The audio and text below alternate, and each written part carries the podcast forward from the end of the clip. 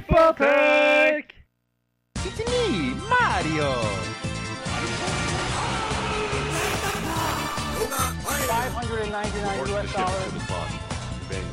Can't let you do that, Star Fox. Battle cruiser operational. My name is Reggie. I'm about kicking ass. I'm about taking names. And we're about making games. for the glory of the Emperor. Jason! Jason! Jason! You were almost a jibble sandwich. You're right. That's my game. This place is incredible. Hei, jeg heter fortsatt Joakim, Jeg heter fortsatt We. og velkommen til episode 57. Ja, 57. Vi nærmer oss 60. Men eh, 57 er bra. Jeg trodde et halvt sekund at 57 var et primtall, Ja. og så begynte jeg å ta tre ganger lenger enn 10, og fant ut at 57 er ikke et primtall. Men det er faktisk, det står på Wikipedia at det var en annen matematiker som feilaktig sa at 57 var et primtall. Eh, Og det finnes en viss en stor historie. I akademiske sirkler så er det en vits eller noe sånt. Ah, hvis du tror 57 er et primtall.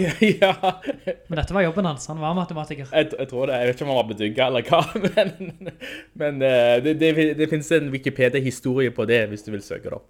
Ja, Det hørtes ut som et tysk navn, faktisk. vi skulle, vi skulle finne noe spesielt med Sieben und Funfzig. Mm. Eh, men det er en film Det er en som har film. det i titelen sin. Passasjer 57 eh, med Wesley Snipes. Eh, Var det dette til denne perioden på s- andre halvdel av 90-tallet der han var kul? Ja, har ikke han alltid vært kul, eller? Og han har kanskje det, men det har ikke vært så mye med han Nei, de siste 15 årene. nei, kanskje. nei, jeg tror han pika med, med Blade. Blade, ja. Blade.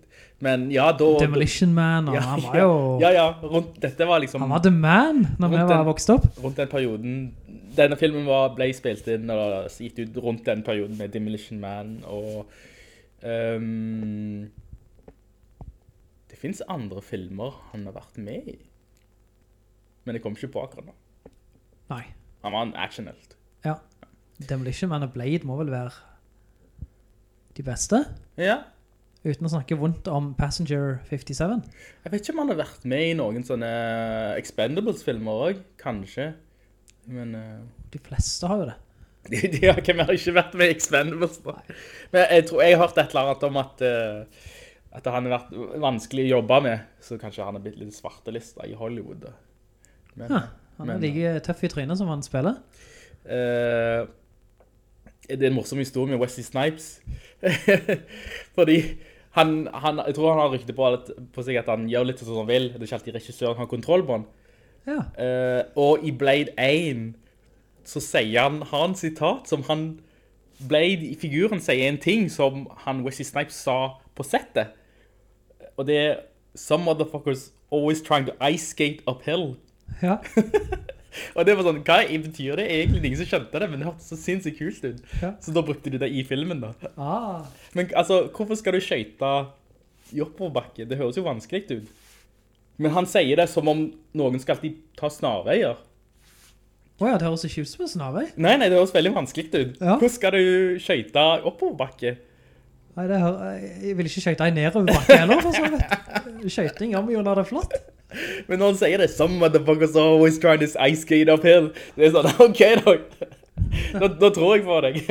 Han er, han er rett og slett en liten Dennis Rodman eh, i, i filmindustrien. Ja, ja, jeg tror det. Ja. Eh, men eh, men eh, godt verdt eh, å sjekke ut Passasjer 57, altså. altså det, det er jo en actionfilm, 90-talls, sikkert mye sånn one-linere. og- Ehm, det jeg husker om den filmen var at det var sånn, det, det- altså det, det skjer en kapring, Ja. selvfølgelig. Kapring også var en hit på det glade 90-tallet. ja, det var en ting. Noen gjorde det både i høye hastigheter og på tog. Eh, eh, vent litt. Nei, på åpent hav Ja. og i høye hastigheter. Ja, Mm. nøyaktig. Nå prøvde jeg å tenke k- hva slags eh, filmer har med der ting blir kapret. Da har du Steven Seagal Ja, Han Og- kaprer som bare juling, han. på I åpent Mm. hav.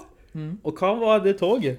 Og det var i høy hastighet. Det Det er Steven Segal, det òg. Det òg, ja, ja, OK. da. Ja, Han hadde tendens til å være på framkomstmidler som ble kapra, han. Han hadde.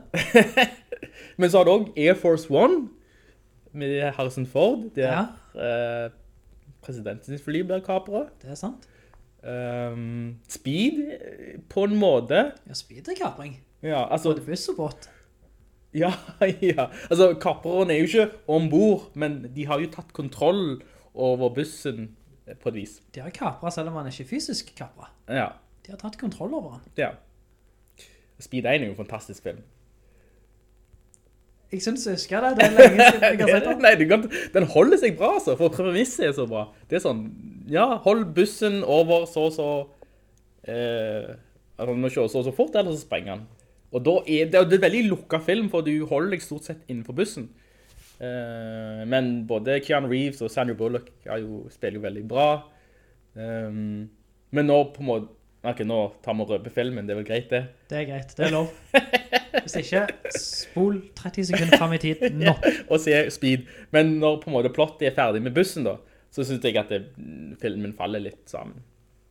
Har du sett han igjen i nyere tid, altså? Mm, jeg tror jeg har sett klipp på YouTube. Men jeg husker jo veldig godt handlingen. Jeg må se han i sin helhet, altså, for Keanu Reeves er jo, har alltid vært steinkul. Ja, jeg så. Jeg så. Sandra Bullock, hun Ja. er jo eh, alle 14 år gamle gutters eh, drøm. Hun er veldig søt. Eller i den grad du kan kalle en voksen dame for søt. Men eh, hun er jo veldig fi- fin og sjarmerende. Ja. Eh, på- hun har en sånn look som er litt sånn Hun ser ikke sånn glattpolert ut.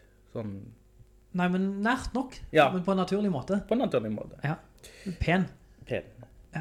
Eh, de, de, altså, i, akkur- I hvert fall i den filmen, for da var hun, gans, hun var jo relativt ukjent, så klarte de å lage hun en sånn, sånn next door nabojenta-aktig look på hun der. Ja. Ehm, men jeg så Point Break for noen måneder tilbake. Ja, det gjorde jeg òg for et år siden. Den holder seg, den er bra. Point Break er dritbra. Ja, det er mange bra scener der. Altså. Og det er Keanu Reeves og, og hva heter han andre? Patrick Swayze, Er det Patrick Swayze, ja? som er han dirty Ja. danceren sånn, da. ja? Ehm, Nå kan jo folk tro at dette er en filmpodkast, ja, men, men vi ville bare dere skulle legge dere merke til at dette er episode 57, mm, som viser seg å ikke være et primtall, nei. eh, for det hadde vært en matematisk vits, Ja. men det minner oss om 90-tallets storhetsfilmer. Vi skal jo kanskje snakke litt om film senere også, da. Men eh, Ja, den der eh, som sprenger i lufta. årets store film, noen kaller det. Men eh, Ja. det var bare en liten, lite frampekk. For det vi skal snakke om nå, det er spill. Spill! Ehm, kanskje jeg bare spør deg, Ui. Jo. Hva har du spilt siden forrige podcast? Eh, og, og hva tid var det? Var det i s- rundt sommertid, og vi spilte inn forrige episoden? Ja, Eh, jeg vet at jeg pratet litt om ehm, at jeg ho- skulle gi et forsøk på å fullføre eh, Zelda-spillet. mm, mm. Eh, ja, det, den hoppet jeg av. Det gikk ikke så bra. Men eh, jeg har nå har jeg prøvd nok. Jeg er fornøyd. Det var et realt forsøk. Det var det. Ah, halvveis var godt nok. Så hva hadde du akkurat rundet innen den tid, Ui? Nei, altså, jeg... Altså, hukommelsen begynner å svikte når vi blir eldre, altså. Men Du var i hvert fall nesten ferdig med det nyeste Zelda-spillet. ja, var, var jeg nesten ferdig? For nå er jeg veldig ferdig, for å si det sånn. Ja, ja, nå er du helt ferdig. Ja, jeg har, jeg har gitt fra meg spillet, rett og slett. Men det er til Jeg, jeg, jeg har bytt, jeg har lånt vekk spillet mitt til eh, nevøen min, Ja, ok. eh, som OK, han er jo ni-ti år. Og jeg var litt sånn Altså, jeg, egentlig så ga jeg til, til niesen min, som er elleve, da. Og da tenker jeg det er kanskje litt mer den rette alderen. For de, de er så mange systemer i Selda. Alle disse superkreftene. Ja, det er Og- bra og- systemer. Og, og plottet, sant? Altså, altså, du må jo skjønne engelsk. Men det viser seg at hun spiller ikke, men han spiller det. Ja. Og så var jeg jo hjemme hos han her om dagen. eh, og han hadde liksom forstått mye av grunnideene. Han visste hvordan du smelta sammen våpen og utstyr, og hvordan du løfta ting. Og når han gikk inn i en sånn type shrine Han løste det veldig fort. Og da, da har jeg kanskje undervurdert på en måte, barn på hans alder. litt undervurdert barn på hans alder. Mm. Kanskje også de skal ha mer skryt enn det de har fått for, eh, hva er dette? Altså nivådesign. Ja. De legger verktøyene synlige og formidler på en måte oppdraget og mulighetene veldig tydelig da.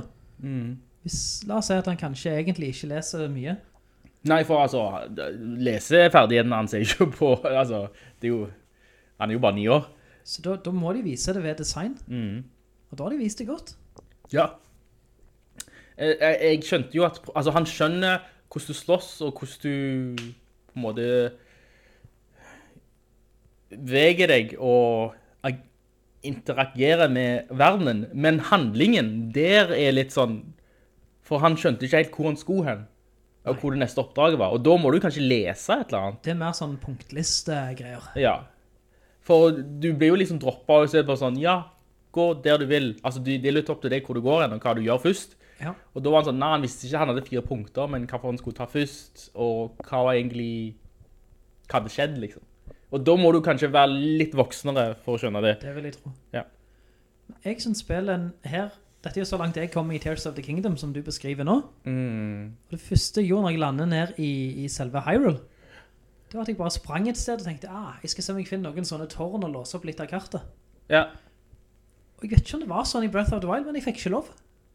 Ja. Jeg var nødt til å fullføre historieelementer før jeg kunne utforske. Altså, jeg har ikke spilt det siden da, men bare det tenkte jeg, hæ, var de så strenge i, med å regulere gjennomspillingen min i Breath of the Wild? Eller var dette litt annerledes ved Tears of the Kingdom? Det er et godt spørsmål. Jeg, altså, det er så lenge siden jeg spilte Breath of the Wild nå. Men der hadde du jo den der platåen som du startet på. Og jeg tror ikke du kunne komme deg av platåen før du hadde fulgt han av kongen et stykke. Nei, men det var gikk ganske fort. Ja. Litt sånn fort som det du gjør når du hopper av skyverden. i- Ja, ja, så du Tears tenkte, of the Kingdom. du tenkte når du først har hoppet av skyen, da er du fri. Da var jeg fri, tenkte Ja, jeg, men det ja. er jeg jo ikke. Nei, nei, du må ta... Ja, det, for det er en liten bit der fortsatt. Du må innom slottet og si hei og hallo. Mm, og låse opp det første tårnet, utkikkstårnet. Og da begynner det opp. Og da, da er det åpent. Ja, ok. Eh, for, ja, for hvis du ikke gjorde det, så Ja, da skjønner jeg at de ikke lar deg gå videre. på et vis. Så du var litt for kjapp på avtrekkerne.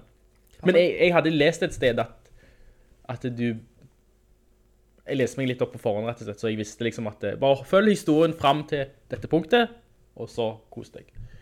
Så Ja, jo- for det er litt forvirrende, sånn, hvor lenge må jeg følge? Mm. For det virker som du var fri. Sånn, guttungen min på 12, han spilte det jo også i sommer. Men med en gang på ferie, med en gang vi kom tilbake til internett, så stoppte han. ja. For da ble han litt frustrert, for han ikke fant ut av det. Og så hoppet han over på andre ting. ja. Det Og er flerspiller, konkurransespill. Konstant belønning hele veien. Ja, for det tingen med eh, Så han har ikke rørt det siden. Tingen med Zelda, og i hvert fall Tears of the Kingdom, er jo De kaller det for jeg, Så jeg vil beskrive det som en Altså, det er ikke en øyeblikkelig belønning. Du får ikke alt servert på på et sølvfat.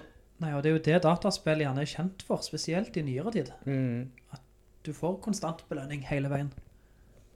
Men ikke her, nei. Her må du, Ja, for du må som, hva var det, Erik? Mattelæreren vår. f- først yte. Så lite. Ja, for her, her i Zelda så er det sånn Ja, du blir stoppet i verden, og så får du visst Du får verktøy, og så er det litt sånn Finn ut av hvordan dette funker sjøl. Kom deg Ja, du kan komme deg til det tårnet, kanskje, men det er mange veier bort der. Eh, du kan bygge en bil hvis du vil det. Du kan gå, du kan fange en hest.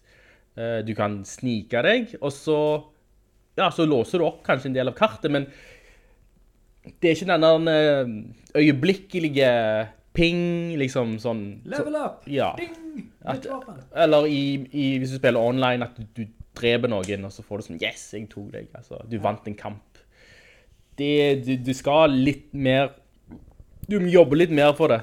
Ja. For jeg husker, altså etter hvert så, så slåss du jo mot bosser og minibosser i Zelda òg. Mm. Men det er et stykke før du kommer der. Men hvis du starter fra det, hjelper det deg å finne ut hva du har spilt? Eller må vi begynne på det nyeste spillet som jobbes bakover? Jeg kan altså, Jeg kan se frem, jeg kan finne lista mi, faktisk. Ja, du har en Jeg liste. har lista. Nei, Delvis, i hvert fall. Men altså, en logg du fører selv? Ja, for eh, ehm, Dette er nytt for meg, og jeg trodde jeg kjente det godt. Nei, for Nei, jeg tror det jeg har på lista, er faktisk emner vi kan snakke, på, snakke om. Men det hender jeg skriver ned spill jeg har spilt, fordi jeg har liksom lyst til å nevne det på lufta. Men det ser ikke ut som jeg har gjort det nå. Men det, OK, jeg kan ikke I hvert fall eh, Det jeg har her, er tips for din gjennomspilling. Ja, Så vi kan ta de òg etter hvert, hvis du vil. ja. Eh, men jeg, jeg runda jo Zelda etter veldig mange timer. Jeg husker ikke hvor mange. Det tror jeg, jeg gikk opp mot 200. Ja, For du venta en stund med å ta siste boss. Mm, Litt for å se meg heive meg på hesten, Mhm. mm, og litt for å ikke være ferdig med det. ja. For, da, for, det, for altså, det er noe med denne eh, oppdragslista. At du vil være s- nesten ferdig med den. Jeg liker ikke å ha ting gjenstående før du tar den siste bossen. Nei, og Har du først tatt den siste bossen, så gidder du ikke gå tilbake og ta potensielt fetch quests. Ja, det er litt sånn Da er du jo eh, ferdig. Hva er ordet? Antiklimatisk. Ja. Ja, ja, ja, ok, du redda gården til hun her kona, men eh, altså, du redda jo verden for en halvtime siden, Ja. men det var viktig at du redda disse trærne for henne, men eh, ja, jeg, det er akkurat det. Men det jeg gjorde da, et, at jeg, et- altså, et, jeg tror etter 160 eller 70 timer, ja. så var jeg klar for å ta bossen. Og da hadde jeg tatt de fleste sideoppdrager. Sto i bossen, veldig fornøyd med spillet og, og, og bossen og slutten. Eh, så det gleder jeg meg til, til, til å høre dine inntrykk. Alle som har runda det, sier at det er en veldig bra slutt. Veldig givende. Tematisk og Både sånn tematisk og gameplay-messig. Det er ikke alle spill som klarer. Nei, nei, nei. Slutten ja, Spill, filmer, kanskje bøker òg. Altså slutten som skal knytte alt sammen. Den er vanskelig. Ja, for du må jo lande alt dette. Sant? Du skal lande. Og alt det du har bygd opp av forventninger hos spillerne, det skal du levere på ved den slutten. Mm. Men de klarer det, altså. Ja, det eh, eneste, eneste dumme, på en måte, for min Ikke akkurat dumme, men jeg hadde jo googla meg fram til det ypperste rustningssettet. Det ultimate. Ah, dette her fulgte du en oppskrift.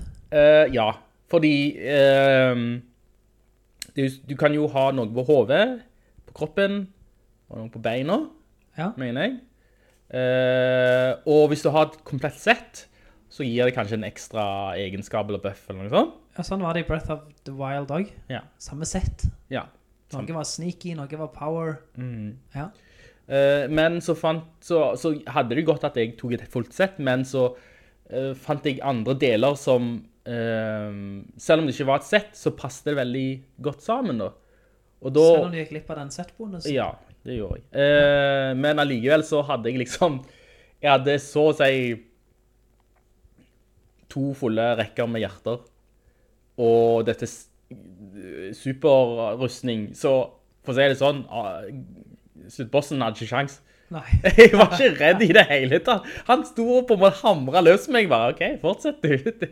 Eh, så det- jeg var ikke på en måte Jeg var på, på, på ikke noe på, eh, Jeg var aldri redd for å dø. Du tok den på første forsøk Ja, det gjorde jeg. Ja, uten å svette. uten å sette. Så er det, det, det er jo han jeg, Du vet vel hvem siste boss er? Er det her kanon? Ja, det er kanon, ja, kanon, kanon. Han hadde jo, han hadde jo noen triks oppi ermet sitt, Ja. og det var jo kult det han gjorde. Det var noen sånne forvandlinger og ulike stadier han gikk Og gjennom. han blir sint, vet du. Han blir rasende. Eitrende. Men han sto og hakka løs på meg. Bare ja, OK, da. Du tok halve livet mitt, og så spiste jeg et eller annet, så hadde jeg fått liv igjen, og så Ja. Det, det, var, så, det, det var på en måte enkelt. Men det var på- Altså, selv om det var Selv om jeg aldri var i fare for å dø, så var det likevel kult å slåss mot den. Ja. Eh, for det var noen mekanikker og teknikker der inne som jeg, jeg fikk prøvd ut. Eh, så det var kanskje det eneste dumme med slutten, var at jeg, på, jeg var aldri redd.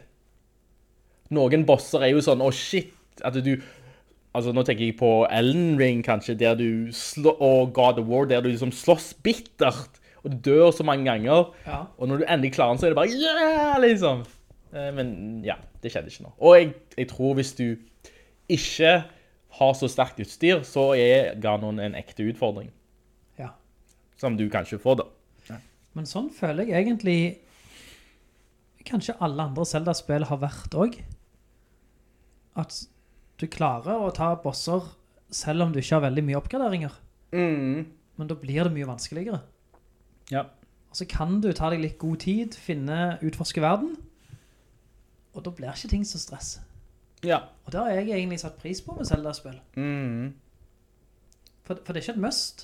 Nei, nei, det er jo valgfritt. Det er valgfritt. Du må ikke eh, kverne for å bli god nok. Altså, det er jo folk som Det første de gjør når de dropper ned til Hyrule og går rett bort til bossen, det er en tøff kamp, skal jeg si deg. Har du prøvd? Eh, Nei, jeg har ikke prøvd, men jeg har sett på, sett på YouTube. Ja. Og da, da må du ha Da må du være flink. Parere og Altså, du, slåss, slåss, du slår med, med, med en kvist eller noe sånt. Ja. Altså, det, det tar tid. Du springer rundt i øynikken og ja, det, deljer løs som et bjørkeris. ja. Eh, så det er imponerende. Men ehm, Men ja, Zelda-spillet er jo ikke eld, Det er ikke Souls, det er ikke Dark Souls-spill. Eh, Nei. selv om den har jo lånt en sånn visse mekanikker derfra, tror jeg. Dette med våpen som brytes ned. Ehm, ja, og at du kan gå fritt, og du kan gå forbi fiender hvis du vil. Du må ikke ta dem Ja. ta det senere. Men ja, Zelda, så jeg er jo veldig fornøyd med Zelda i bunn og grunn, men etter at jeg tok siste bossen, så var det sånn, ok, dette er et flott spill, jeg skal ikke spille det igjen, selv om noen synes jo det er kjekt, men da skal jeg gjøre alt jeg kan i spillet, så jeg har toget alle sideoppdrag, unntatt øh, en eller to, Fordi du missa de, eller fordi de var drit? fordi de driter. det, den ene Jeg tror det ene handler om ehm, Det er en fyr som du skal hjelpe med å sette opp skilt. Ja. Eh, han det, det er ingen måte å vite hvem du har hjulpet, eller hvor, altså, hvor mange som gjenstår. Åh, Ja. altså da skal du liksom tikke 50 checkpoints da, hvis Mm. du skal være sikker. Og det samme med Korok Seeds. Jeg har ikke samla alle de. sant? Å, og jeg nei. har ikke heller vært i alle brønner. Du kan hoppe ned i brønner. Stemmer. Gå ned Eh, bakken. Eh, nei, altså, da snakker jeg om en, en vanlig vannbrønn. Å ja. Eh, for det er ei dame som har lyst til at du skal kartlegge alle disse. Og hver gang du opp, øh, finner en ny en, så kan du gå tilbake til henne, og så sier du 'hei, her er brønnen', og så får du et eller annet av henne. Enkelt. Ah, ja. Men igjen, det er bare sånn Ja, jeg vet ikke hvor alle brønnene er, det fins ikke kart. Det fins ingen måte å vite hvor mange som gjenstår. Pluss det å gå inn i hver eneste brønn er ikke noe særlig Du gidder ikke Jeg det. gidder ikke. Og så hadde du vært i 30 av de 30 var de fra før av. Eh, Hvis du er heldig da. Men ja, du må ja. bare gå ned om alle. Ja. Men jeg har tatt alle shrines. Jeg har Jeg tror jeg har maks hjerter. Jeg har ehm, Det er på en måte ikke mer å gjøre, som er, som er gøy, da. Resten er mer sånn kverning. Men hvis det kommer nedlastbart eh, innhold, er du oppe på hesten igjen, eller er du så mettet nå at du sier eh, takk, men jeg er forsynt? Akkurat nå så er jeg veldig forsynt. Eh, men hvis det, hvis det måtte vært noe sånn historieoppdrag Ja. ikke bare mer sånn Ja, her er en ny verdensdel. Og så, så på en måte er det ikke så mye mer enn det. Det, måtte, det må være noe som tilføyer historien noe vik, ikke, ja, litt viktig, i hvert fall. Som har betydning, da. Ja. Eh, ikke bare liksom Ja, her har du et nytt togsett. Mm. Men er, er historien virkelig i gåseøyne bra denne gangen? Zelda-historier er jo aldri bra. Ja, altså, de er jo enkle, sånn sett. Ja. Ehm, men eh, den er jo fortalt på en litt sånn kreativ måte. Ja. Du får Du får eh, tilbakeblikk innimellom. Men de kan du ta i en tilfeldig rekkefølge. ja, sånn som i Breath of the Wild. Ja, rett og slett. Mhm. Eh, og når du har sett alle de, så skjønner du kan du si, hva som har skjedd. Ah, Så det så er, det er en viktig. historie å fortelle der? Ja, det er faktisk det. Ehm, Ja, Det er jo litt uvanlig til å være Zelda. ja, Beklager hvis jeg banner i kirka nå, men ja, fordi problemet, historien er veldig sånn, å, stakkars, ja, stakkars oss og meg, kom og redd oss, kjære helt. for problemet med Zelda er jo ofte at, eh, altså, du har Zelda, så blir hun borte, og så må du redde henne. Og i mellomtiden så er hun bare borte, og så gjør du din greie, samler ting. Ja, det er en formel, men det er jo en kjent og trygg formel. Veldig kjent og veldig trygg. Men nå er det en liten historie, faktisk. Ja, faktisk. Så det, den eh, tror jeg eh, Altså, du må jo se sjøl. Kult. Ehm, men jeg syns de har løst det bra. Eh, og, og, og du får jo Vi har jo snakka om disse hjelperne. På traileren så ser du ehm, disse hjelperne som er med deg på ferden, da. Ja. Ehm, det er jo Ja, du må nesten spille og se hvordan hvordan de Hvordan den Hvordan det Hvordan de funker i den eh, åpne verden. Er de med deg i den åpne verden, denne gangen? Ja, på et vis. På et vis, ok. Altså, det- Og det er jo hva de har løst, for eh, For det er jo Jeg jeg vet ikke om de har gjort det fordi noen folk syns det er litt sånn ensomt å gå alene. Men eh, nå er de jo med deg. På, Ja. på en måte som du kommer til å skjønne. ja. Men det er ikke sånn, det er ikke et rollespill. De snakker ikke med deg, og det er ikke sånn at eh, de påvirker omverdenen. Nei. Så du, Veldig mystiske greier, dette. Ja, sorry. sorry. Folk som har spilt det, skjønner dette veldig godt. Eh, og folk som ikke har spilt det, er sånne Hva er det han snakker om? Kan du spille det uten å skjønne det? Det er sånn- så Eh, subtilt at det kan gå deg hus forbi. nei, nei. Nei, men d- eh, tingen er at du kan spille Hvis du ikke vil ha de der, så kan du velge det vekk. Ok. Det er lov, det. Hva sier folk med den første kompanjong? Jeg tipper når du går til den første ordentlige grotte. Ja. Og det velger du jo sjøl. Hvor Men jeg tror jeg fulgte denne standardruten, om det fins. Ja. Men for jeg, for jeg vet ikke jeg, Når jeg gikk rundt, så følte jeg at ting ble gradvis vanskeligere. På en naturlig måte ble ting vanskeligere og vanskeligere. Jeg Det følte- gjorde det ikke i Breath of the Wild, for det gikk helt feil. ja, ja. Det er dumt å gå feil, og så bare knuse folk. Jeg er bare Å, nei. Ja, så ble de veldig lette, de andre. Ja. Men jeg, der var det ingen hint om hva som var riktig rekkefølge. Nei. Er det det her? Um, Jeg synes jeg husker at Sora Dominion var den enkleste. ja. Og det var en av de siste jeg tok. Ja. Nei, jeg vet ikke om det Jeg vet ikke om jeg fikk liksom en følelse på når jeg gikk rundt, og så var ting litt vanskelig, så bare snudde jeg. Altså, jeg på, jeg på en måte skjønte at det, OK, her skal ikke jeg være. Ja. Hvis jeg møter en helt vanlig troll som gir meg bank, da er det sånn OK, han var litt tøff. Da er ikke det her jeg skal være ennå. Da er jeg i feil område. Da er jeg i feil område. Ja.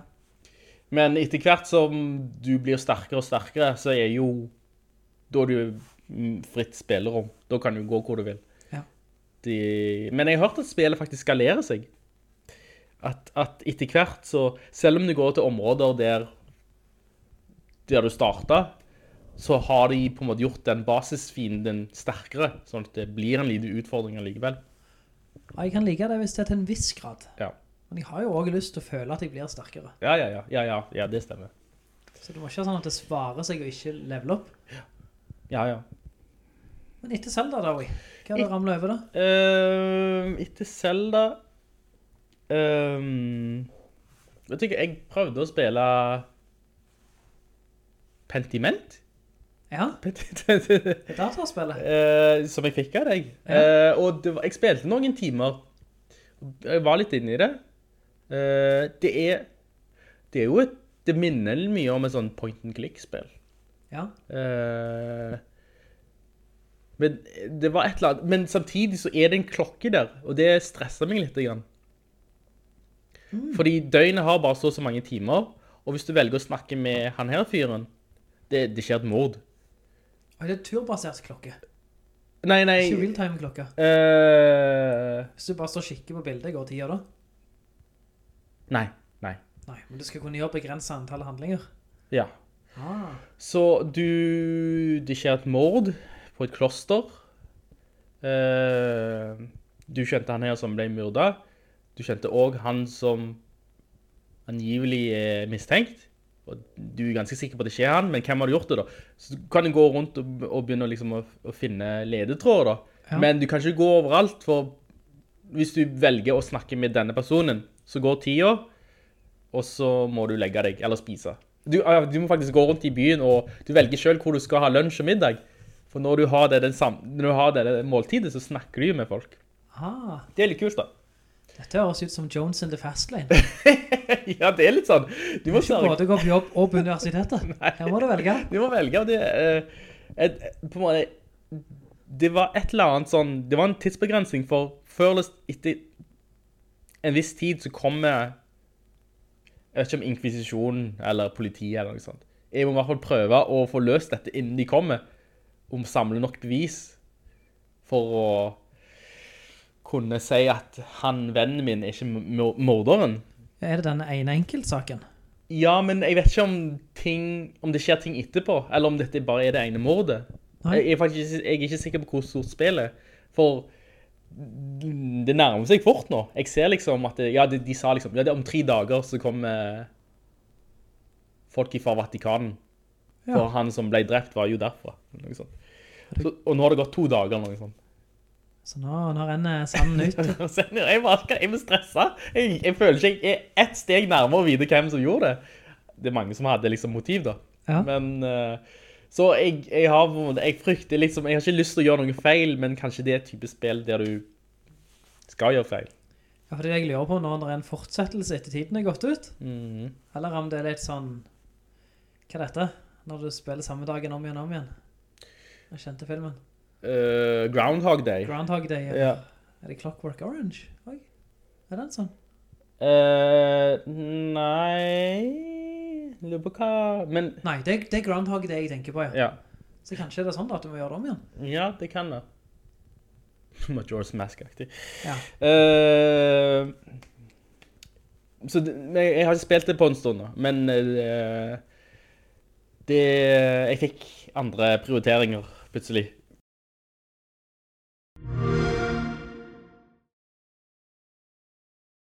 Ja. I form av en Xbox. Ja, for Nå, nå, nå snakker vi jo.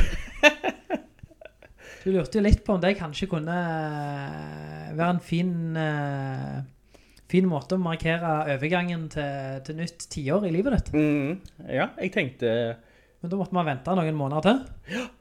Men du, du gadd ikke det. Nei, fordi det var jo spillkonferanse her og der, og det var mange trailere av Starfield. Ja. Og det ble s- Altså, det var jo en hype. Det er ikke ofte du hiver deg på hypetog, Nei, jo. men det var et eller annet med han Du pleier liksom å ha så god tid. Jeg sa, Ja. hvilken tid skal du kjøpe det? Nei, vi får se hvilken tid det kommer til utbud. Ja. Men nå, nå var det...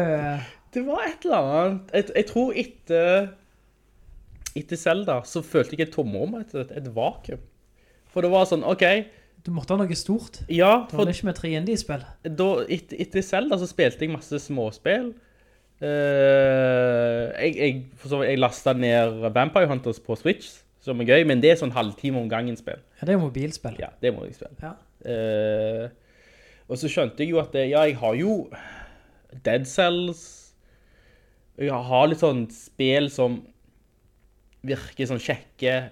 Ja, du spiller en kveld eller to, men ikke noe sånn stort. Ikke, det var ikke et prosjekt. Jeg mangler et prosjekt. Ja, Du trenger noe som skaper kontinuitet eh, i ukene dine. Ja, ja, for det er noe med at du kommer hjem, og så er det, ja, jeg fortsetter prosjektet mitt. Ja. Ikke, for, hvis ikke, så blir det bare liksom på måfå. Hva skal jeg fyre opp? Jeg vet ikke. Noen liker jo liksom, ja, jeg, du vet ikke helt hva du skal spille, eh, men jeg liker et prosjekt. Jeg liker å dykke ned i ting, bruke tid på det, investere tid i noe, og bli god i det. Ja. Og det manglet jeg, og det var sånn Starfield, det, det høres veldig kult ut. For det var, det var så mye snakk om utforsking og, og, og, og kompanjonger. Og, og Baldur's Gate var jo for så vidt Det kunne vært sånn enormt prosjekt. Baldur's Gate også kom ut til nesten samtidig, Ja. så hadde vi jeg måtte vente en uke ekstra, kanskje. eh, Men Du, er for- ikke- du er ikke gira på det på samme vis? Nei, fordi Altså, jeg, jeg liker Alle, alle skryter jo av Baldur's Gate og sier det er liksom muligens Game of the Year framfor Game of the Decade? ja, for Zelda. Eh, alle trodde at eh, Zelda skulle være selvfølgelig er det Zelda som er Game of the Year, men nå snakker alle om Baldur's Gate, og den har fått den er høyere metakritikk, tror jeg, et eller annet sånn. Alle skryter av det, men det virker så avansert. Det virker så litt for omfattende, rett og slett. Du er jo en Dungeons and Dragons-veteran. oi. Ja, ja leit. Du er ikke veteran, men du har snust på det. Jeg, jeg har snus på deg og dyppet tåen i det, men det er noe med disse terningene og alle disse systemene som skremmer meg litt. Grann. Ja, for her er det ikke kamp som gjelder, har jeg forstått. Her gjelder det om å rollespille. Veldig, veldig rollespill. sant? Du, alle karakterene har jo egenskaper, sant? og hvor du plasserer de har jo noe å si. Og så er det vel på tur, antar jeg. Altså, jeg, tror, jeg tror faktisk du ser en terning fysisk i Jeg spillet. har forstått det sånn. Du triller. Du triller, og Høyere eh, ferdighetsnivå betyr høyere sjanse. Ja. Men det kan gå ad undas ja. allikevel. Fordi det er tilfeldig. Ja. Eh, og det- jeg er redd for at jeg ikke kommer til å skjønne det. At det blir for avansert for meg. For jeg hadde bare lyst til å hakke det trollet. Men så er det sånn Nei, men du hadde pluss-minus i den der, og så var det eh, Hva kalles det, kalles det på en måte når du Initiativ, sant? Du må rulle for Er det deg først, eller han først? Og så At jeg, jeg hadde bare blitt litt sånn Jeg skjønner ikke dette. Nei, det, er, det er visst en helt annen type spillmekanikk. Dette er rollespill, bare du slipper å tromme sammen venner og en sp spillmester. Det er rollespill som maskinen fikser for deg. Men TV-spill er jo ikke rollespill. Nei. Te- altså, sånn, ja, det er to ulike ting. Ja. Å kunne styre noen med en analogstikk og slå akkurat i det sekundet du vil slå, det er noe annet. ja. Og det får du i Starfield. Det får du i Starfield. Selv om der òg er det jo kan du si, kompanjonger og en stor verden, og du kan utforske og gå hvor du vil ish. Eh, men det er ikke denne terningen og tilfeldigheten. Nei. Ehm, det føles jo veldig som et skytespill òg. sånn ehm, Jeg vet ikke hva jeg skal sammenligne det med. Ehm, De to minuttene jeg så når du streama, kunne vært Mass Effect. ja. Hvis du ikke hadde sagt det var Starfield. Ja. Ja, det er litt den der. Det er ikke på en måte sånn skytespill som i Doom og Quake og, og på en måte at eh, og, og Apex. Det er ikke sånn, sånn Twitch. Det er ikke sånn Du må ikke ha lynraske reaksjoner. Nei. Eh, Det er mer bare sånn rollespill, skytespill. Ja. Du treffer stort sett hvor du skyter, og rekylen er ikke så galen, liksom. Det er ikke realistisk, og det er heller ikke Du må ikke være sinnssykt kjapp. Så det er på en måte sånn trygt og godt. Men hvor mange timer har du fått i spillet? i Starfield. 3-4. Jeg har da så vidt kjørt opp egentlig nå i helga. Ja. Eh, Jeg spilte egentlig Jeg, spil- jeg starta jo på Jeg tror jeg sparte onsdagen, så bare sk sk lagde jeg karakteren min. Interessant karakterskapning fordi ehm, En ting er jo hvordan den ser ut, og det er greit nok. Ehm, men du kunne gi han kan du si, bakgrunnshistorikk. Men det var alltid plusser og minus. Ja. Sånn at eh, sånn, Hvis du sa at du, du tilhørte den religionen, så ville de ta deg godt imot, men andre folk ville ikke like deg. Så det var ikke liksom bare bonus og bonus og bonus. Det var alltid en ulempe. Litt sånn Dragon Age Origins. Ja. Det husker jeg som det første der bakgrunnen faktisk betydde noe. Sånn, Var du dverg, så tålte du visse ting, men andre kunne være rasistiske mot deg og ikke slippe deg inn i visse steder, eller ja. Det er jo litt kjekt med sånne begrensninger òg. Det gir litt mer tyngde. enn å bare tenke OK, hvilken bakgrunn gjør meg sterkest? Er det min maksing det kalles? Ja. ja. Det er liksom bare tall og Bare få maks utbytte og gjøre deg sterkest mulig? For eh, her, her kunne jeg velge på en måte tre sånne eh, egenskaper. Eller t- tre bakgrunnshistorikker. Ja. Eh, men, jeg, til s- men du måtte ikke ha noen av de. Du kunne godt ha ingen òg. Og da valgte jeg egentlig bare to til slutt. Eh, Å ja. og det er helt lovt. For det er liksom en, det er en sånn en, nesten, du kan nesten kalle det en modifikasjon av spillet. Du kan liksom bare være en helt vanlig fyr, men jeg valgte å være en empatisk type, Som gjør at eh, hvis jeg snakker mye med kompanjongene mine, s- det var mye lettere for meg å relatere meg til dem og øke nærheten min til dem. Ehm, men det kunne òg slå ut feil at hvis jeg ikke får dem med på laget, Ja. så Jeg vet ikke, jeg tror det minsker livet mitt eller et eller annet sånt. Altså, du har tenkt hvordan du har tenkt å spille spillet. Ja. Så du tenker jeg skal bruke litt tid på å småprate med kompanjongene. Og... Ja. Innimellom så s- dukker det opp i hjernen liksom Ja, dette likte kompanjongen din. Så står det Så får jeg pluss et eller annet. Det er liksom sånn OK, bra jobba. Ja. Ehm, men det er veldig sånn subtilt, altså. Det, det syns jeg er bra. At det ikke på en måte er i trynet ditt, og at det er liksom masse plusstegn, masse tall. Som, som rollespill og skytespill er glad i nå. Du ser masse tall overalt, sant? ja, ja. Eh, så dette er mer bare sånn litt sånn sniken at eh, ja, du valgte noe, og så får du se litt sånn gradvis om det har noe å si. Ehm, jeg husker en av disse egenskapene du kunne velge var at eh, du skulle være tett knyttet til foreldrene dine. ja. Eh, og jeg, det betydde at de, da, da har du på en måte en, en hjemplanet og et et hjem, hjemhus som du kan besøke de og snakke med de. Ja. Men det betyr at du må sende de 2% av lønna de hver uke. Oi, oi, oi, oi. Jeg tenkte, nei, de skal ikke ha pengene mine. Så jeg, jeg tok ikke det valget. Men det er jo litt morsomt da, Ja. at de gir deg det valget. Um, Altså, du har ikke noen foreldre noe hjemme å besøke? Ikke så jeg vet om, faktisk. Nei? Nei. Eh, eller så var det liksom et eller annet med Du kunne være liksom en idrettsutøver, og da hadde du bedre kondis, et eller annet sånn, men minus var et eller annet du Ja, jeg husker ikke helt hva minuset var. Men det var alltid positivt og minus, altså pluss og minus, og så må du avveie opp, da. Er det verdt det? Hvordan skal jeg spille? Eh, hvem skal jeg henge med? Det er jo Jeg tror det er mulig å Ja, og så kan du òg faktisk velge eh, en sånn type erk erketype. Eh, Klasse? ja, nesten litt løs klasse, da. Ja. Ikke at det har alt å si, men eh, i hvert fall at du er i hvert fall god på et eller annet. Jeg lurer på om jeg valgte Explorer eller noe sånt. Jeg jeg husker ikke helt hva, hva, hva det ville si, Nei? men ehm, jeg husker du kunne for eksempel velge å være eh, type sånn rombaditt, nesten. Ja. Sånn, sånn, altså da er du røff type. Ja. Eh, og gjør det litt din egen greie. Og jeg vet ikke om det hadde påvirka hvordan folk så på meg, da. Hvis de visste på en måte at kanskje du hadde rykte på deg allerede.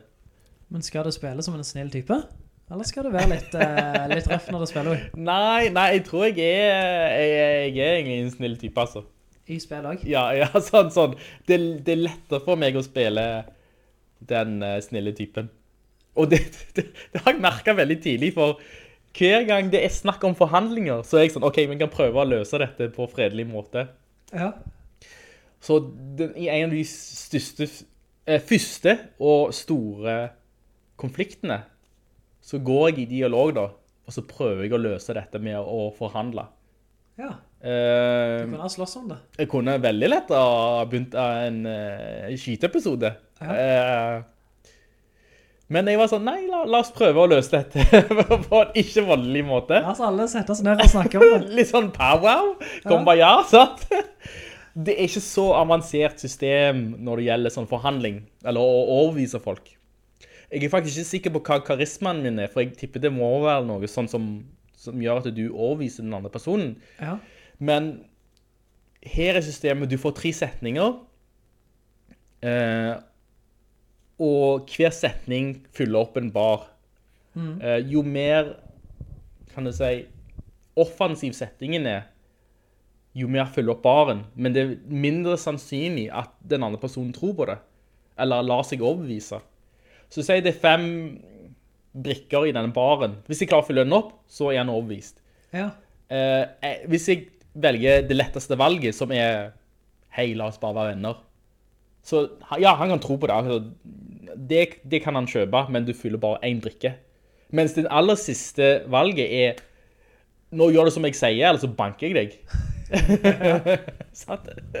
Og det, det er, den har aldri funka for meg, å ta det siste valget, fordi den er så røff.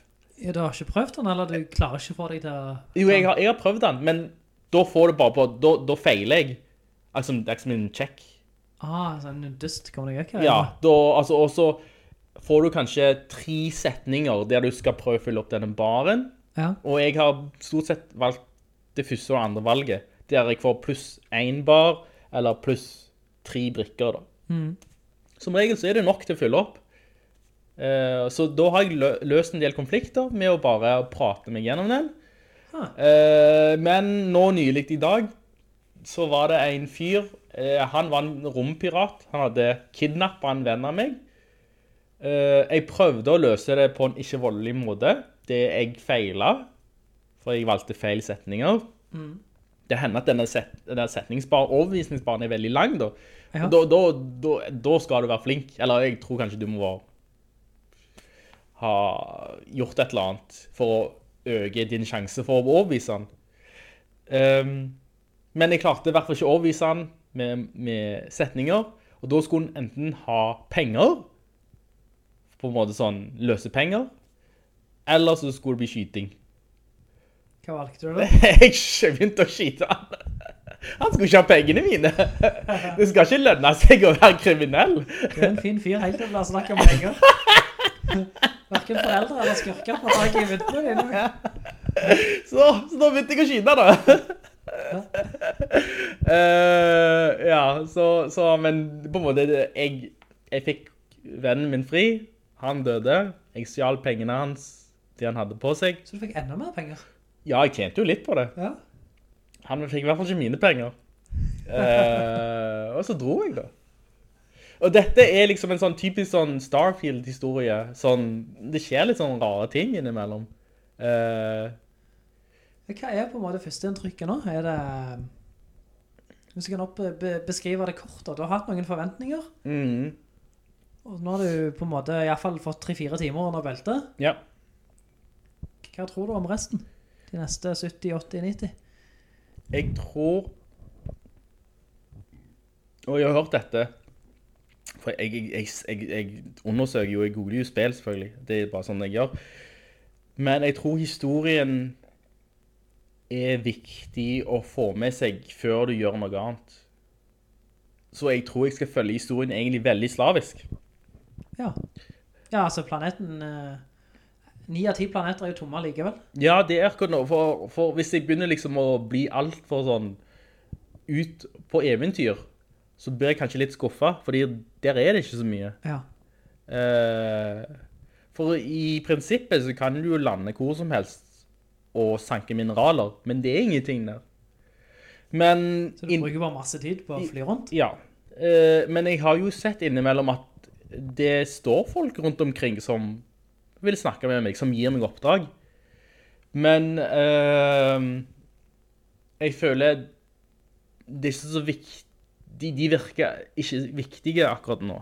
Det, det, jeg føler faktisk en, en viss eh, Altså, å, å, å se historien og se hvor den går hen, Ja. det virker interessant.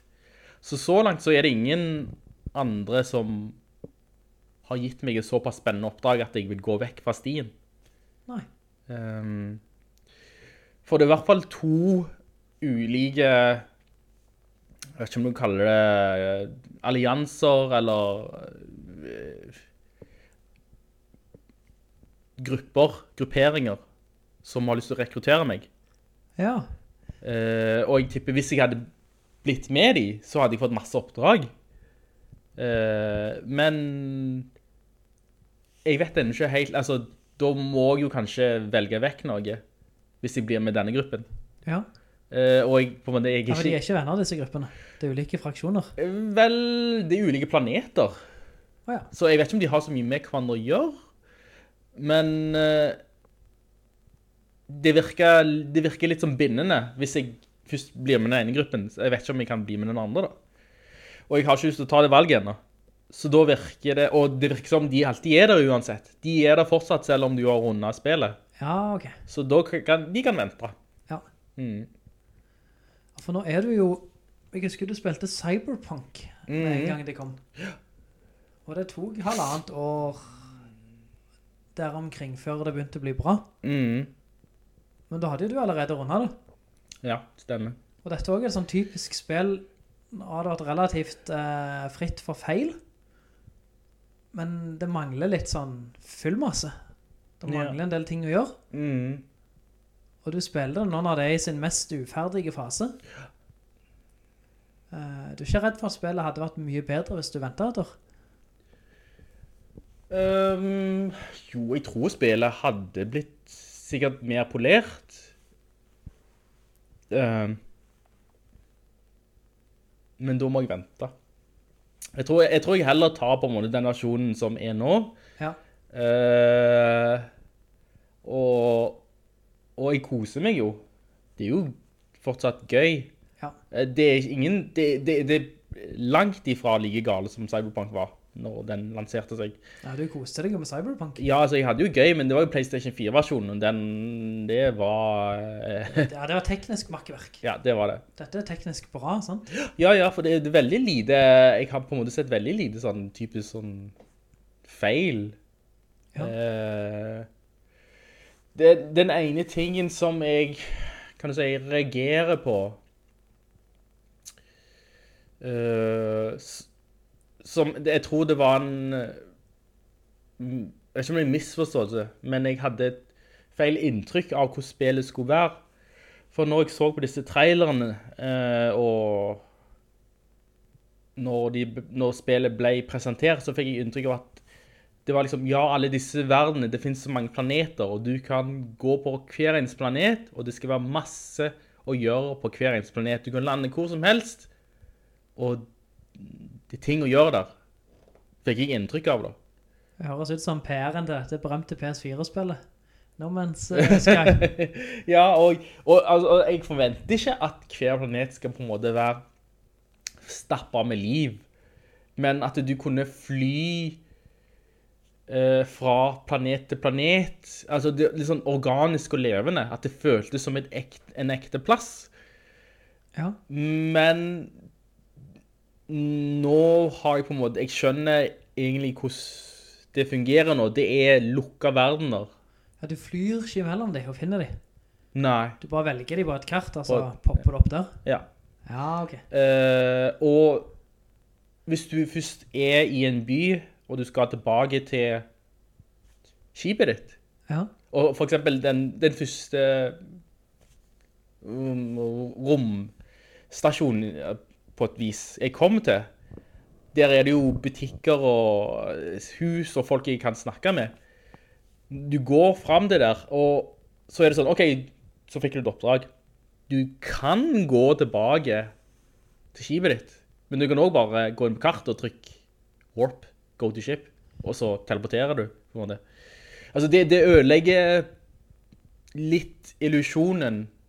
Hvorfor skal du gå tilbake? Det, altså, men det, det, velger, jeg- det, vel- det kan du velge selv. Hvis du vil ha at alt er knyttet og alt er en verden, så går du tilbake med beina dine.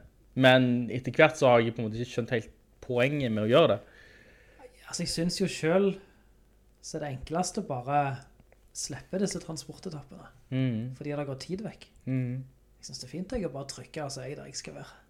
det ø- det ødelegger det på en måte litt av denne immersjonen og at ja, det er en, det er en ver- altså, hvis du begynner å kjenne denne byen såpass, så er det litt mer sånn givende å gå gjennom gatene og kjenne igjen butikkene og kjenne igjen plassen. Ja, For da har det kanskje noe å si at du vil, ja, jeg er på vei tilbake til skivet mitt, så skal jeg jo bare innom smeden og lage meg en ny romdrakt. og, jeg- altså det blir mer levende, Ja. men alt det der koster tid. Mm.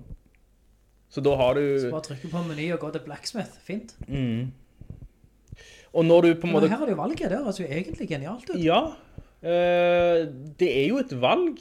eh, for så vidt, altså. Som- Kjell har ikke tid til å fordype meg, nå må jeg bare bli ferdig Ja. med dette oppdraget.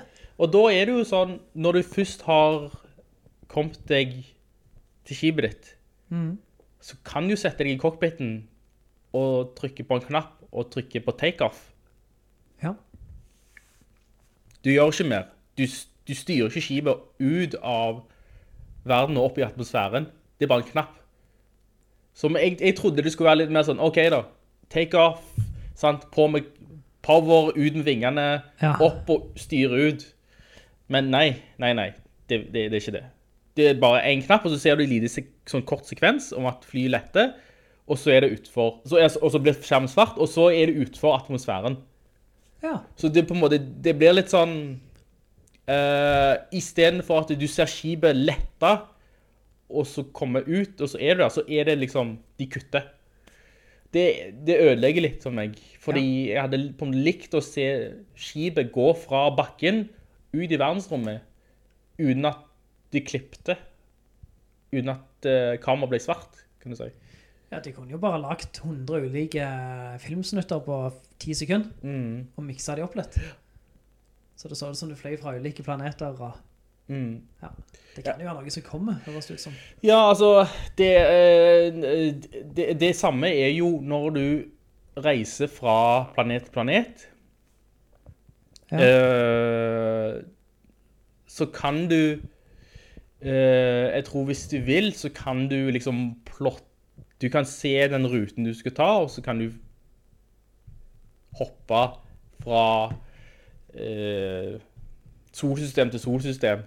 Men det er lettere å bare gå inn på kartet og velge Ja, der skal jeg, og så er du framme på to sekunder.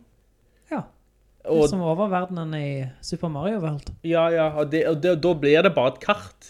Ja. Det, ting, ting føles ikke Akkurat som det er en levende verden, fordi det koster meg på en måte null innsats å dra fra den ene siden av galaksen til den andre. Og da blir det sånn Ja, er universet så stort, da? Og, og, og ja, altså, altså, I No Man's Sky det er jo litt mer, der føler du litt mer at hver planet og hvert solsystem er unikt, og at det, det på en måte tar tid å bevege seg, men jeg tror det, det jeg har sett på Todd Howard da, og jeg, har- jeg har søkt dette opp i etterkant, fordi jeg måtte se om var det jeg som hadde feil forestilling, eller lovte de faktisk dette. Ja, Der har de faktisk sagt at de har kuttet vekk dette med å ta av, og dette med å reise mellom solsystemer. De er fakt- det er men det ikke... fantes en gang. Gjorde du det? Nei, men sa de at det fantes, og så har de kuttet Nei, det? nei, nei. eh, eh, de sa at de hadde, de hadde ikke prioritert å utvikle det. Ja, ok. Ja. Så da vet de at det var... Ja, fordi Det har vært snakk om det. da, det har vært altså. snakk om fordi, fordi de ville ikke gi For på et eller annet tidspunkt så tenkte jeg ja, skal vi ha en mer simulering av verdensrommet? Skal, det, skal folk kunne ta av planeter og fly ned planeter på egen hånd? Ja. Og på en måte at, Men så sa han Todd Howard at det er ikke, dette er ikke en romsimulator. Dette er ikke en rakettsimulator. Det er et eventyr. Dette er det eventyr. Du skal ikke bruke tid på sånt, for så har de mer prioritert selve det at eh, du er på planeten, så gjør du ting. Når du er ute i verdensrommet, så gjør du ting. Men det er ikke knytta. Så litt mer regissert opplevelse. Mm. Det tar deg fra de viktige scenene til de viktige scenene. Ja, nøyaktig. Ja. Eh, og jeg tror, jeg tror Jeg tror det bare Altså, de, de har jo vært tydelige på det, men jeg tror når jeg bare så traileren, så trodde jeg at det var annerledes. Men nå som jeg på en måte skjønner litt mer hvordan det funker, så har jeg jo på- justert mine forventninger. Ja. Eh, og jeg, jeg koser meg jo. Ehm,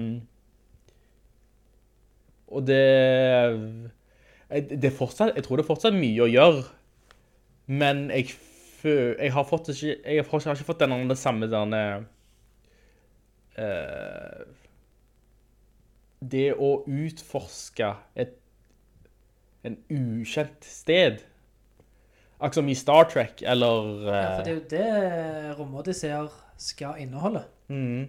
Det er den følelsen av å bryte upløyd mark. Ja, det er akkurat denne Boldre deg i et sted der ingen har gått før. Ja, det er sånn Star Trek og Ville Vesten. Sant? Du går steder der ingen har vært før. Ja, det er Ville Vesten. Ja. Altså, ja, Eh, men nå får jeg det er følelsen utforskeren. jeg får følelsen av at eh, alt er egentlig allerede utforska. Jeg bare følger etter noen.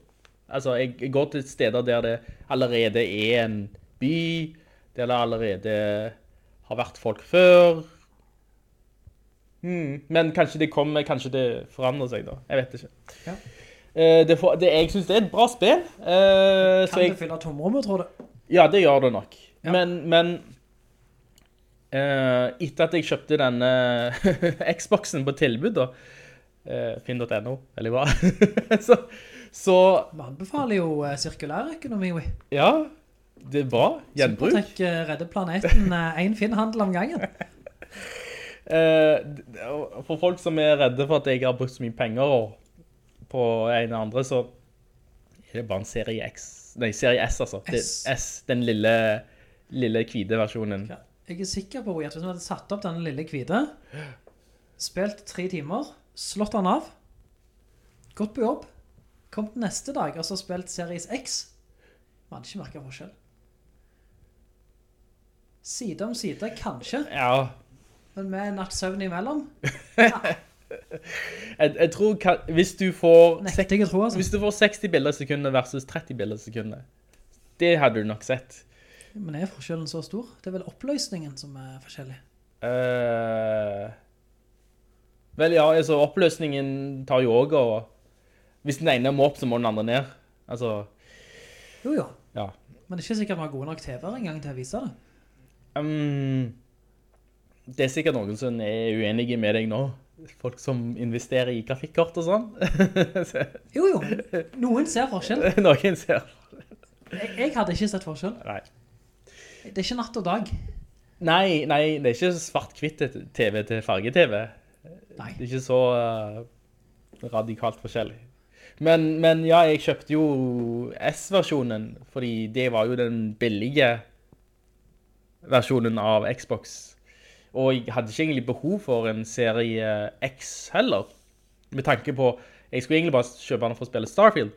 Men når jeg så på tilbudet på uh, GamePass, Eh, så måtte jeg bare slå til. Ja. Fordi å kjøpe Starfield digitalt for serie, X- serie S er jo kun digital. Stemmer. Der har vi en forskjell. Ja. Da måtte jeg jo kjøpt digital versjon av Starfield for 750 kroner. Eh, og det er ett spill. Istedenfor så, så kjøpte jeg abo- abo- abonnement for 140 kroner på GamePass. Og da får jeg jo Nå har jeg jo testa Tunic. Jeg har spilt Gears of War 5. Jeg har spilt Halo. Eh, jeg har spilt High on Life. Eh, Og det, alle de spillene er skambra. Ja. Så Men det det er bare å dyppe ned i det litt. Ja, ja, fordi det er litt sånn Unge i smågodtbutikken. Ja, det er litt sånn. Det er så mange bra spill, og alle disse spillene er jo verdt på en måte sin pris. Ja. Eh, men nå får jo alle de Det føles litt gratis, fordi, selv om jeg betaler 140 i måneden, men det er på en måte ingenting i forhold til alle de spillene jeg har nå. For hadde jeg kjøpt alle disse spillene, så hadde det jo kosta meg noen tusener. Men da hadde du også spilt de gjerne en om gangen. Ja, det hadde jeg. Så Problemet er nå Eller Å, jeg er allergisk mot sånne markedskrefter. Det er litt, luksusproble- det er litt kvalmt Ja. at du skal abonnere. Altså kaste deg så mye ting at du rekker ikke å konsumere det engang. Mm. Så tror du at du har gjort en god deal Ja, men jeg har jo det. på den månedsprisen? Ja. Ja, kanskje du har det. Ja, det hadde vært verre hvis du ikke hadde hatt tid. For da, da går jo bare abonnementet, og så spiller du Får du kanskje spilt én eller to. Sant? Ja, hvis du spiller tre-fire spill i året, Mhm. og hadde kjøpt og solgt de i brukt, så hadde ikke det kosta mye. Nei. Men du har digitalversjonen, du fikk maskinen billig, med kontroller og all slags. eh, tre kontrollere. Én kabler, for så vidt. Det var en litt sånn morsom eh, opplev altså, en rar opplevelse når jeg kjøpte Xboxen. da. Fordi Men jeg hadde det jo er aldri en opplevelse å gå på power. Nei, nei, der, der, der er ting som forventer. Ja. Og du får kvitteringen, og alt er greit. Eh, her var det litt sånn Eh, Altså, det var Jeg så Jeg, så, eh, jeg hadde jo sett at en serie S gikk for et sted mellom 1500 og 2000. Jeg solgte jo min PlayStation 4 for det for to år siden. 2000. Mm. Ja. Billig, altså. Ja. Ja. Eh, så jeg vet ikke om folk er lei av, eller at det er på en måte et eller annet med e-, S-en som gjør at folk bare vil kvitte seg med den. Ja. Men nå koster den, jeg vet ikke hvor mye den koster i butikken, men to og et halvt, eller t- tre, kanskje? Vel, det er ikke en dyr maskin i utgangspunktet. Nei. Han er billigere enn Switch og Playstation 5, selvfølgelig, fordi du får en, på en, måte- en, en halv Xbox. Det er jo det er jo en virkelig mye verdi for pengene i denne boksen her, altså. Ja. ja, for det er jo Alle de samme spillene. Ja, det, altså, ja stort sett. Men nå, kommer- nå er det, viser det seg at Baldur's Gate eh, er litt eh, amputert, men Å, er det? De eh, kjører ikke ordentlig i pressen. Du kan ikke spille split screen. Du kan ikke på serie S. Kanskje derfor svageren min har kjøpt seg gaming-PC-ene for å spille Baldur's Gate. Split screen? Eller, Eller? siden han har jo eh, Series S, Ja. men vil ikke spille det der.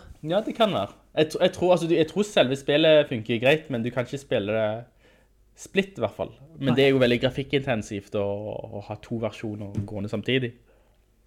Ehm, men det var i hvert fall et greit tilbud på finn.no.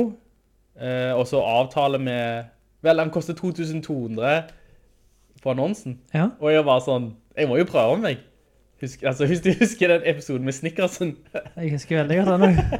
så er det lov til å prøve seg. Ja. Hadde han sagt nei, jeg lar ikke rikke på meg, det er fast pris, så hadde jeg sagt OK, kult, jeg kommer bort. Men da sa han var 2005. for en ny eh, Serie S. Nei, 3005 for en ny. Å, OK, det var mer enn forventa. Ja. Mm. Og du skulle betale 2002. Ja, det sto det, på, det sto det på annonsen. Ja, ja, det er fin pris, Det det. er fin pris. Det er cirka halv pris. Jeg hadde betalt det, jeg. For det var jo med tre kontrollere, sto det. Ja. Så spurte jeg hva hva type kontroller det er, så sa han, ja, han sa det. Ja, nei, det, jeg spurte om det var offisielle, så sa han, nei, det var, ja, det var to offisielle og en fra butikken. Altså, bare en fra Power eller noe sånt. Ja. Og jeg sa, ok, kult. Hvis jeg, kjøper, hvis jeg kommer og henter den nå, får jeg litt rabatt. Det er sånn, kjapp avgjørelse. Så han, ja, ja, du kan få for 2000 da. Konge.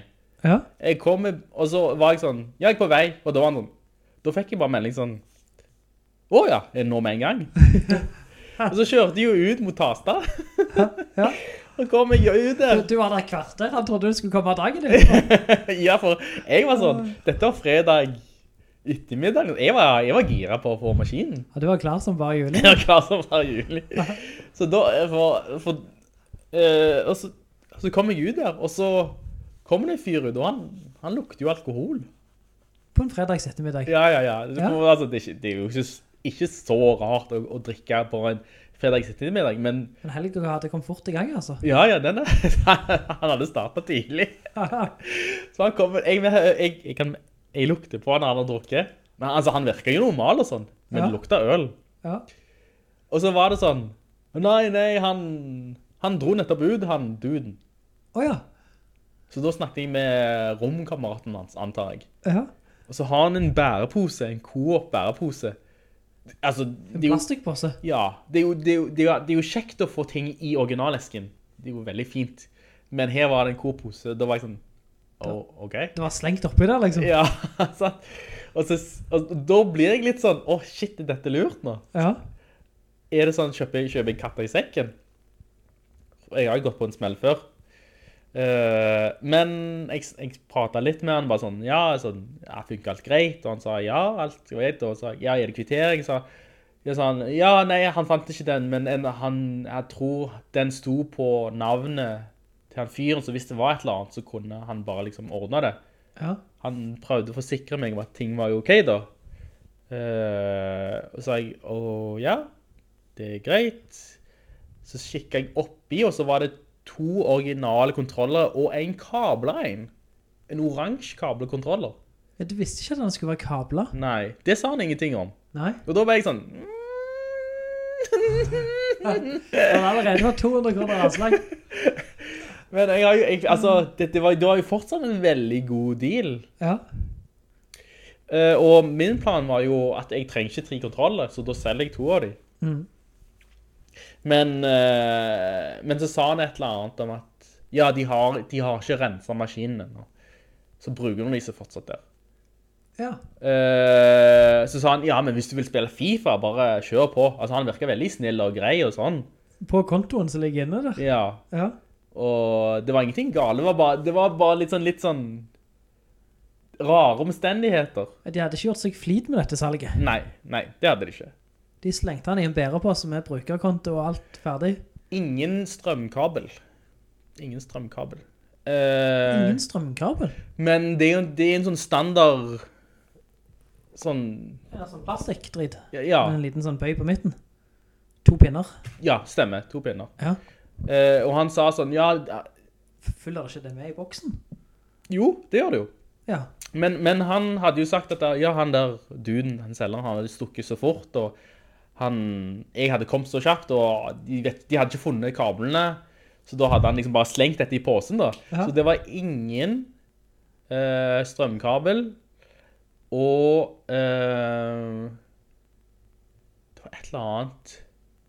Jeg fikk jo Hvem her heldigvis... Eh. trenger du en HDMI? Ja, ingen HDMI. Eh, Ingen kabler. Ja, nei, Eneste kabelen du fikk med var den til Xbox-kontrolleren. ja, den var heldigvis der. Men Så den det- ville du ikke. ha.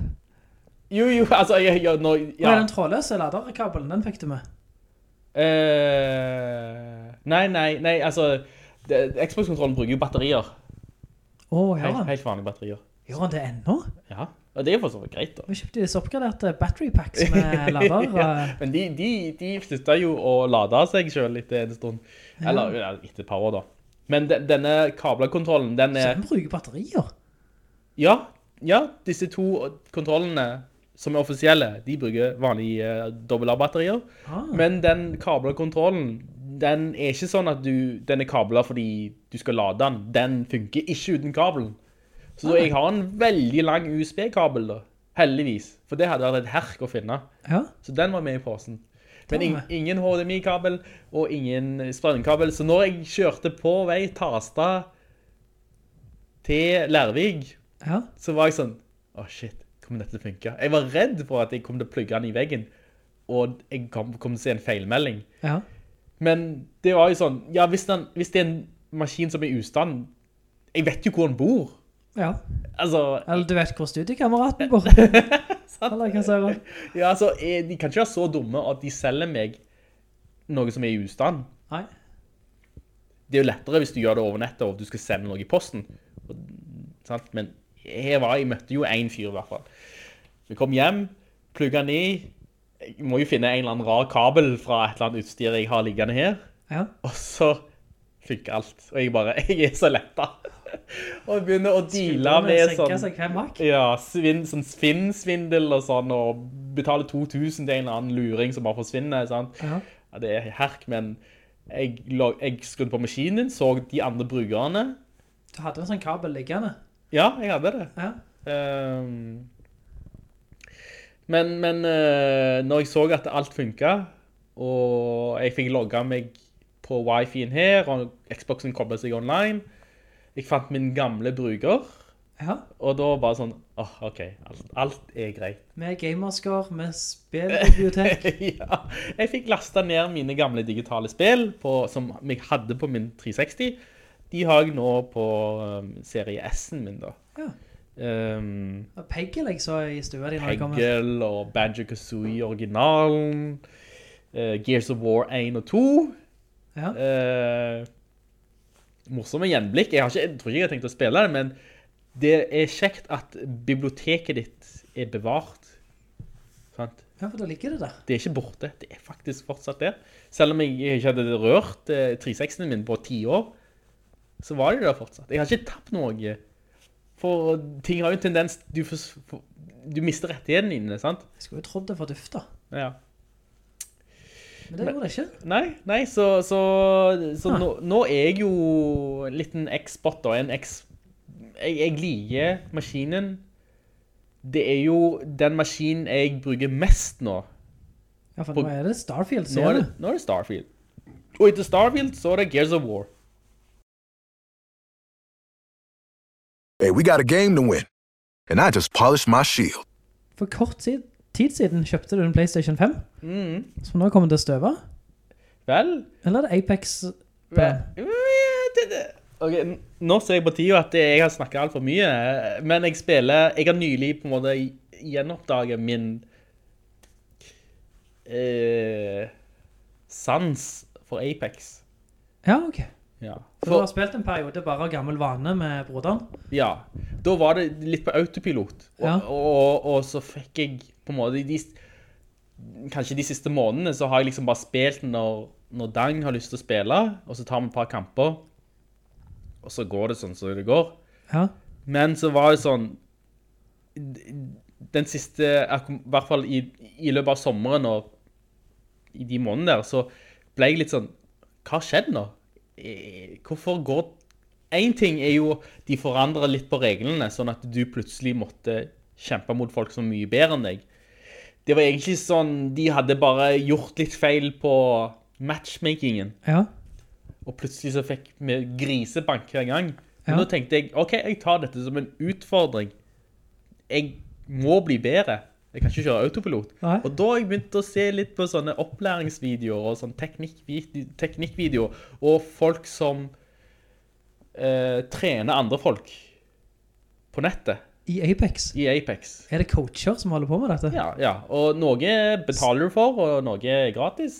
Ja, for da kan du jo strømme gameplay, så kan de si hva de gjorde rett og feil. Ja, og av de flinke er jo sånn, de ser på gameplayet til en spiller, og så tegner de på skjermen hans. Her ser du fienden, her burde du gått. Litt sånn så fotball eller basketball, sånn. de legger opp kartet, bare sånn, se hvor du, se, se hvor du gjorde feil nå. Hva koster en sånn coach? Har du sjekket det? Nei, jeg har ikke tenkt å bruke en sånn coach, men Nei. jeg lærer veldig mye av det. For jeg ser de tingene som eh, jeg gjør feil, det er veldig typiske feil da. Kult. Så nå har jeg på en måte tatt meg i selene, hvis det er et uttrykk.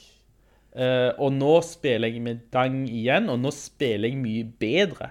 Og det er veldig kjekt når du Du har ikke blitt mer, du har ikke blitt raskere, du har bare blitt smartere. Ja, fordi det handler ikke om å Vel, noe av det handler om å må være være rask kjapp. nok. Noe av det handler om å være kjapp og Du må altså, trekke raskere enn eh, Ja. motstanderen. Men så mye handler om plassering og hvordan du angriper situasjonen. Er du på metagame? eller? Ja, Det høres jo litt sånn eh, Er det Matrix, dette? Ja, altså, hvem tror du du er? Tror du du er elitespiller? Nei, men jeg kan slutte å spille som en noob. Du trenger ikke spille på FGI lenger. ja, det er rett og slett. Så nå, nå, nå merker jeg at jeg nyter å spille mye mer når jeg spiller litt mer med omhu. Ja, du stresser ikke når du skal få til alle disse nye tingene du skal på. Nei, fordi det er egentlig ikke så mye å huske. Det er fundamentale ting, huskeregler. Ja. Eh, og det jeg hadde gjort på en måte tidligere var at jeg hadde liksom litt glemt disse hovedreglene. Men nå har jeg blitt påminnet det, og sett eksempler på hvordan du bedre kan angripe en kamp, eh, hvordan du bedre kan posisjonere deg og bruke egenskapene dine. At jeg dør ikke så lett. Og tingen, jeg vet ikke, når jeg spilte Apex tidlig så var jeg litt sånn, ja ja, samme faen, ja, nå falt jeg. Men hver gang, selv om du faller i Apex og kan bli reddet opp av kameraten din innen kort tid, altså det er jo en sånn revive-funksjon, Ja. men det kost... Jeg trodde ikke det var så farlig, for ja, ja, jeg kan alltid bli reddet igjen, men du må unngå det. Dette prinsippet er jo ikke bli downet, for da har Laget ditt er svekka. laget ditt er svekket med en spiller, alle ressursene går på å redde deg, Ja. Eh, og da er det plutselig to mot tre. Så heller, sant, kom deg vekk, kom deg i dekning, gjør det du kan, Du gjør mer nytte for deg selv om du springer vekk fra kampen, Ja. heller enn å bli downa. heller bli downa, og når du, hvis du klarer å komme deg vekk, og få litt liv igjen, så er det kampen mye jevnere. Hold deg i livet, rett og slett. For det kan jo tenke, nå bare skyter jeg de jeg klarer å skyte, og så går jeg ned. Ja, Så kommer noen og redder meg. ja, for da blir det sånn, ja, du utveksler kuler, jeg skyter litt, han skyter litt, ja, ja, ja, ok, Ja. begge traff hverandre. Men Den som ble downa, det laget har tapt ganske mye. Ja, det er jo det. For det handler mye om sånn dra og, og sånn, Det er en dragkamp. Hvem, hvis noen får liksom litt tak, så løsner det på en måte. Ja. Ja. Eh, og du må kunne se an hvordan denne, akkurat denne lille kampen bølger frem og tilbake. Hvis du hører at du får et lite overtag, så må du være offensiv og på en måte, gripe sjansen. For du må ikke være for passiv heller. Nei, men når de er ti spillere, og du har elleve i fotball, Ja. eller to og tre her, da er det på tide å angripe. Ja, sette inn giret, Ja. sette inn støtet, eh, og på en måte utnytte fiendens svagheter. Så med en gang, hvis du hører at eh, du klarer å downe en av de, eller du hører at de eh, trekker seg unna, da, da er ikke det tiden for å være passiv og heale deg selv og liksom... Nei, for da tenker du, åh, pusterom, da kan jeg hele meg selv. Ja, Men nei, du trenger ikke. nei, du må pushe på da. For eh, så lenge, for spillet egentlig belønner aggressivitet. Bare Men, men ikke, tidspunkt. ja, på, på, på, på en måte på, på en kontrollert måte. Du kan ikke bare kaste deg inn i en kamp og tro at det, ting går bra. Jo, jeg har prøvd det. Ja, Det går fort dårlig. det går fort, Det går liksom. dårlig fort. Eh, så eh, kan du si kalkulert, du tar jo kalkulerte risikoer, men hvis du gjør det på et riktig tidspunkt, så er det mye større sjanse for at ting går bra. Har du fått med deg dang på disse eh, nye, hva skal vi kalle det? Krigsfilosofiske prinsippene. Nei, men jeg, jeg vet ikke, jeg har jo sagt til han at, han, at jeg ser litt på sånne videoer og sånn, Ja. Men ehm, Ja, nei, jeg, jeg vet ikke om han gjør det samme. Men dere spiller i toerlag, eller har dere en, en, en ukjent tredjemann på laget? Vi har som regel en ukjent tredjemann.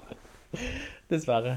Av og til kanskje en kjent, som jeg vet om, men oft, oftest en ukjent. Oftest en ukjent. Og det, faktisk, det har en del å si hvem vi får på laget, fordi vi kommuniserer ikke med den spilleren.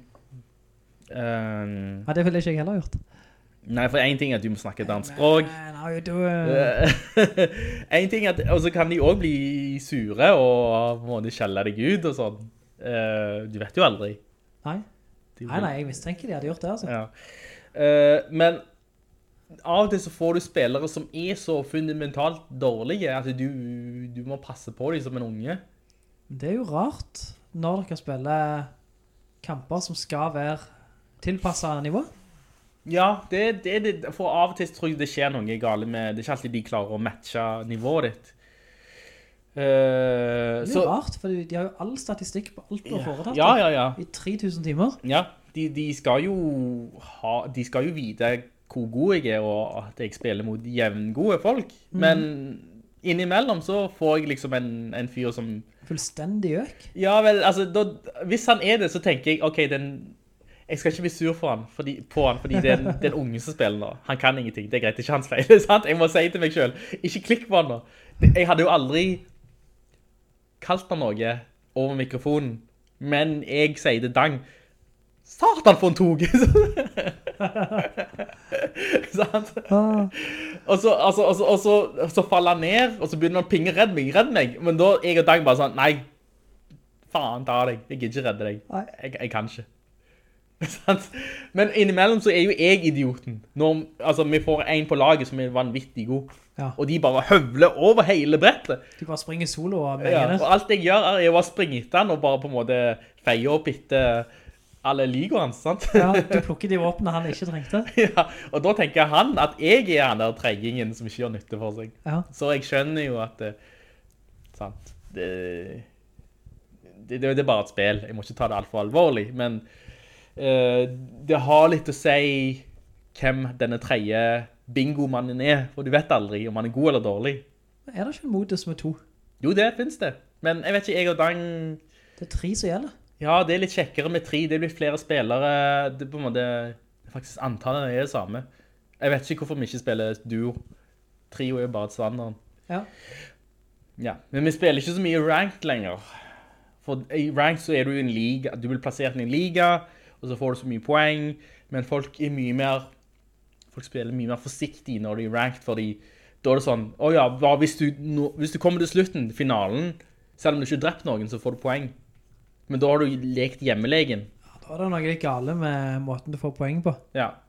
Du, du blir mindre belønna ved å gjemme deg som en rotte. Selvfølgelig. Ja. Du får poeng for kills og for å downe folk. Så ja, du vant. Kanskje du kommer til finalen, så får du kanskje Den første skuddveksling så dør du. Ja. Men, men Og folk spiller litt mer sånn når det er ranked, Ja. fordi de vil ha disse sluttpoengene.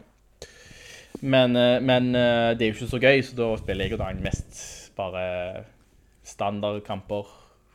eh, Trio. Og så er det jo nye kart og nye karakterer, og det er alltid noe nytt de tilfører hver sesong.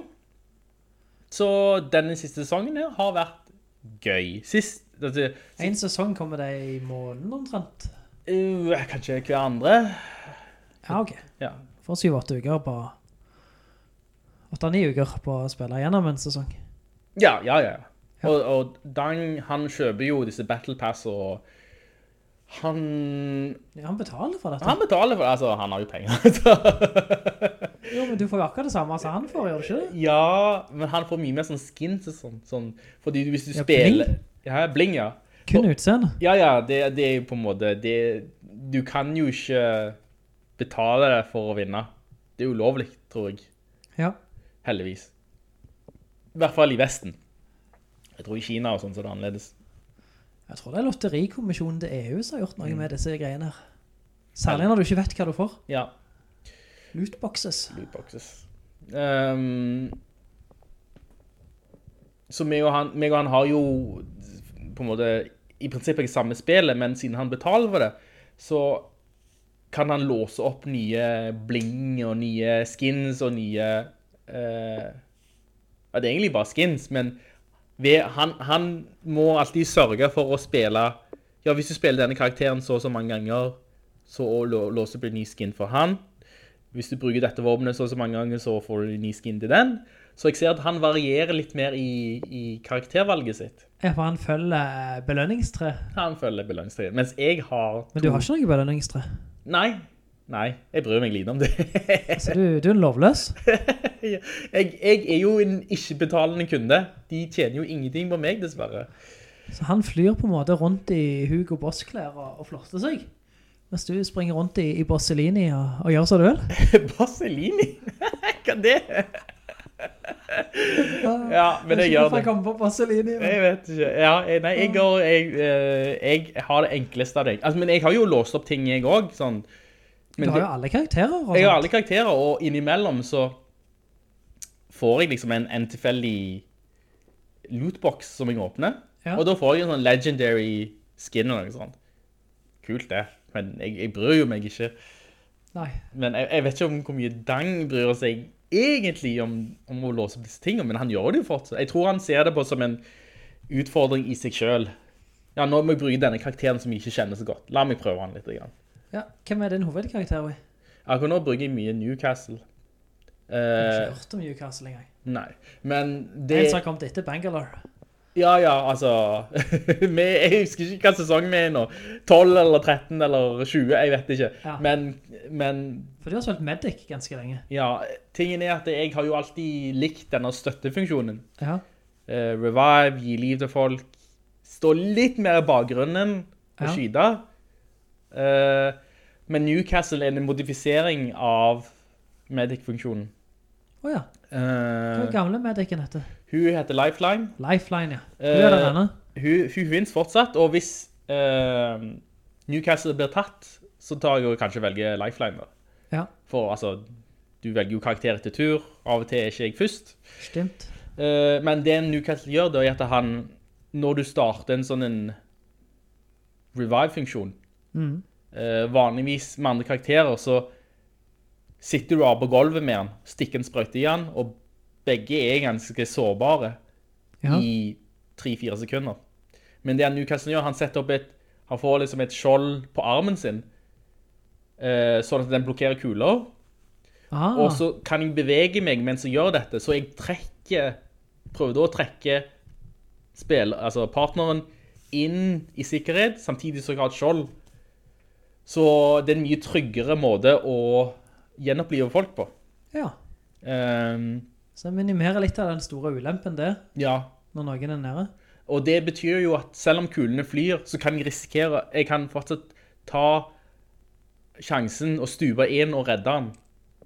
For hvis jeg klarer å redde han, så er vi plutselig fulltallige igjen. Mens en annen spiller ville aldri tenkt å stupe inn i den og redde han, fordi du blir jo bare pepra. Hvis, de, hvis folk ser at du reviver, du hører den spesielle lyden, denne Mhm. sprøytelyden, alle går mot han, alle skyter inn til han, sant? kaster granater og faenskap.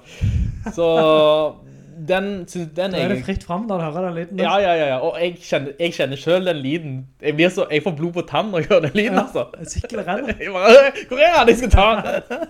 For da, da klarer du kanskje to kills på en gang. Ah. Oi, eller, oi. eller, ja. Men, eh, men det er Newcastle i hvert fall. Jeg liker å spille han. Han er òg tjukk. sånn Er kan han du si. treig, da?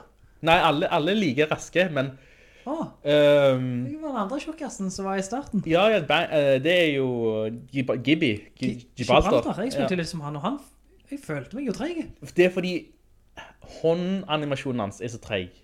Ja. Når, når han springer, så springer han sånn. Og nå ser ikke lytterne dette, men han veiver med armene på en veldig sånn treig måte. Det virker som han springer treig, men alle er nøyaktig like raske. Men de større karakterene er enklere å treffe. De har mer sånne hitboxes. Det stemmer. Og Der derfor, er ulempen ligger. derfor tåler de mer. Ja. Men de er ikke treigere. Nei, det er ikke det. Ha. Så det altså, Så jeg kaller jo han Newcastle og Gibby de er sånn, chu, sånn chunky boys. Eh, som jeg kaller det. Ja. De, de må, du må skyte litt ekstra på dem for å få dem ned. Ehm, så da, da, eh, derfor liker jeg ikke å møte dem i, i kamp, da. Men jeg er jo like chunky sjøl, så det er jo en fordel med meg at jeg tåler litt mer enn andre. Ja. Ehm. Men så er det noen andre egenskaper som han der ehm, Newcastle har, da. Så jeg trenger ikke gå inn i det, men, men det passer egentlig litt min spillestil. For jeg er ikke den mest offensive eh, spilleren i Apex. Du er ikke i første Du Nei. Men det, det er heller ikke meninga med eh, er ikke New- spydspissen i Nei, jeg, er angrepet. ikke- jeg er ikke spydspissen. Men, vi- men altså, spesialiteten til Newcastle er jo gjenoppliving. Og hvis Newcastle er den første som faller i kampen, så er jo hans funksjon bortkasta. Han må jo være bakerst, høres det ut som. Bakerst. Sånn at, ja. Kanskje, eller kanskje en skarpskytter er bak han igjen. Men ja. Så han er liksom et sted midt mellom. Sant? Eh, og det syns jeg passer min spillestil ganske greit. ja. Eh, Så du får noen timer nå i Apex. Ja, jeg spiller jo, altså, før når jeg spilte med Dang- Apex med Dang, så var det litt sånn, ok, ok, jeg er med. Men nå er det sånn, ok, jeg er med, sant? Nå har jeg lyst til å spille, nå Ja, har det er jeg ikke lyst, plikt. Nå er det gøy. nå er det gøy. Ja. Um, Hender det at du spiller kun deg òg? det har hendt, Ja.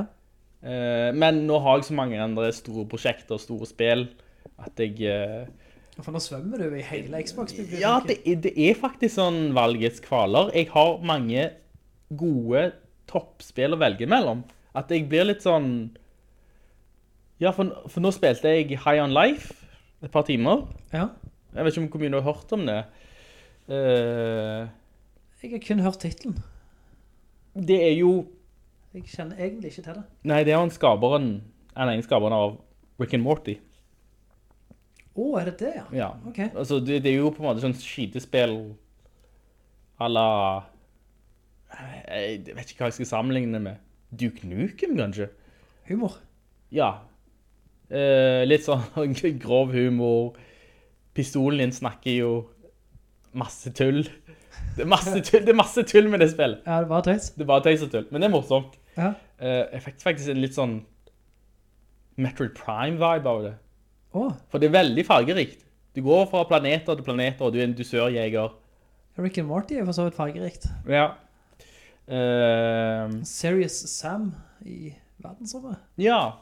Ja. Eh, så, så på en måte Jeg jeg har testa alle disse store spillene, og det, når jeg spiller det, så er det veldig gøy. Mhm.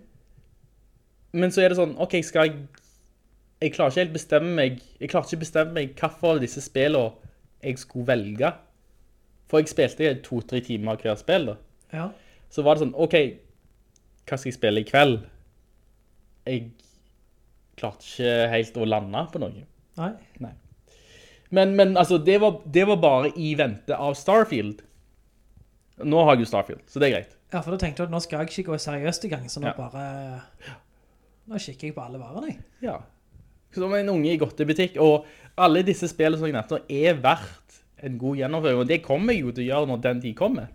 Men jeg, merk, jeg bare merker at eh, når jeg spilte to-tre timer av Gears of War, når jeg spilte to-tre timer av High Life, så var det sånn, ok, dette er bra spill.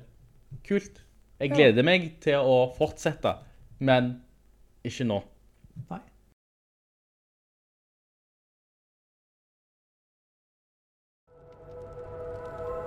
Break the chains and discover who you were meant to be.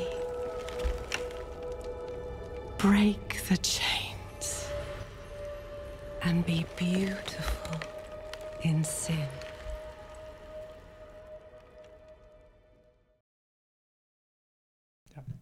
Du, men eh, det er jo din tur. Eh, men vil du snakke om det du har spilt?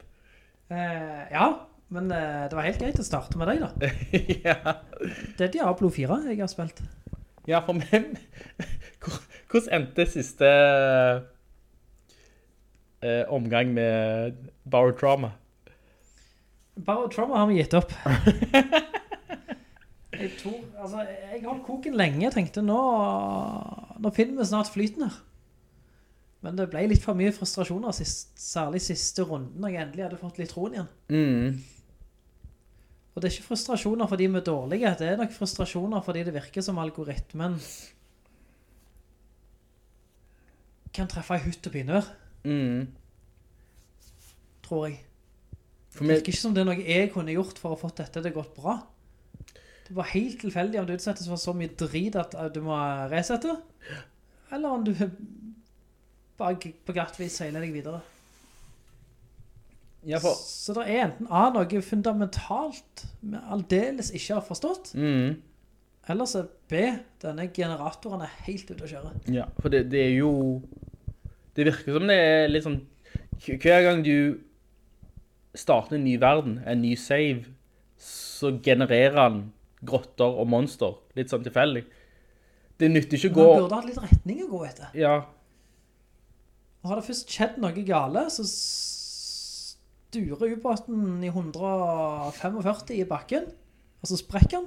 Mm. Før det rokker og reparert et eller annet, så har det kommet udyr og eh, aliens opp og Kraken. syke og kraken. Ja. Og, altså, det tar aldri slutt. Så det var virkelig hummer og kanari i det spillet. Høydepunktene var magiske, og lavpunktene, de, ja, de var sure. Ja. Litt som en ekte ubåt. Men det sank til bånns, rett og slett. Sank til bunns. Og det eneste jeg kan sammenligne det med når jeg har tenkt litt på det, det er litt eh, Når du starter opp et nytt spill med minesveiper, Ja. så bare trykker du tre ganger kjapt. Og noen ganger så er på en måte halve flaten sikra av en eller annen grunn. Mm. Og andre ganger så aner du ikke hva vei du skulle gå. Det var litt sånn. Mm. Bare du bruker ganske mye mer tid før du vet om du fikk et bra eller dårlig brett. da. Mm.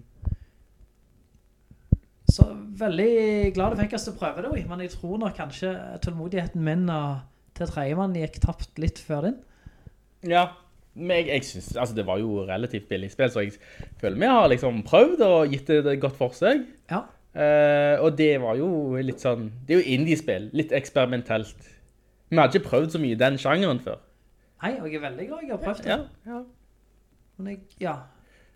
jeg er ennå usikker på om det er noe vi ikke har forstått. ja.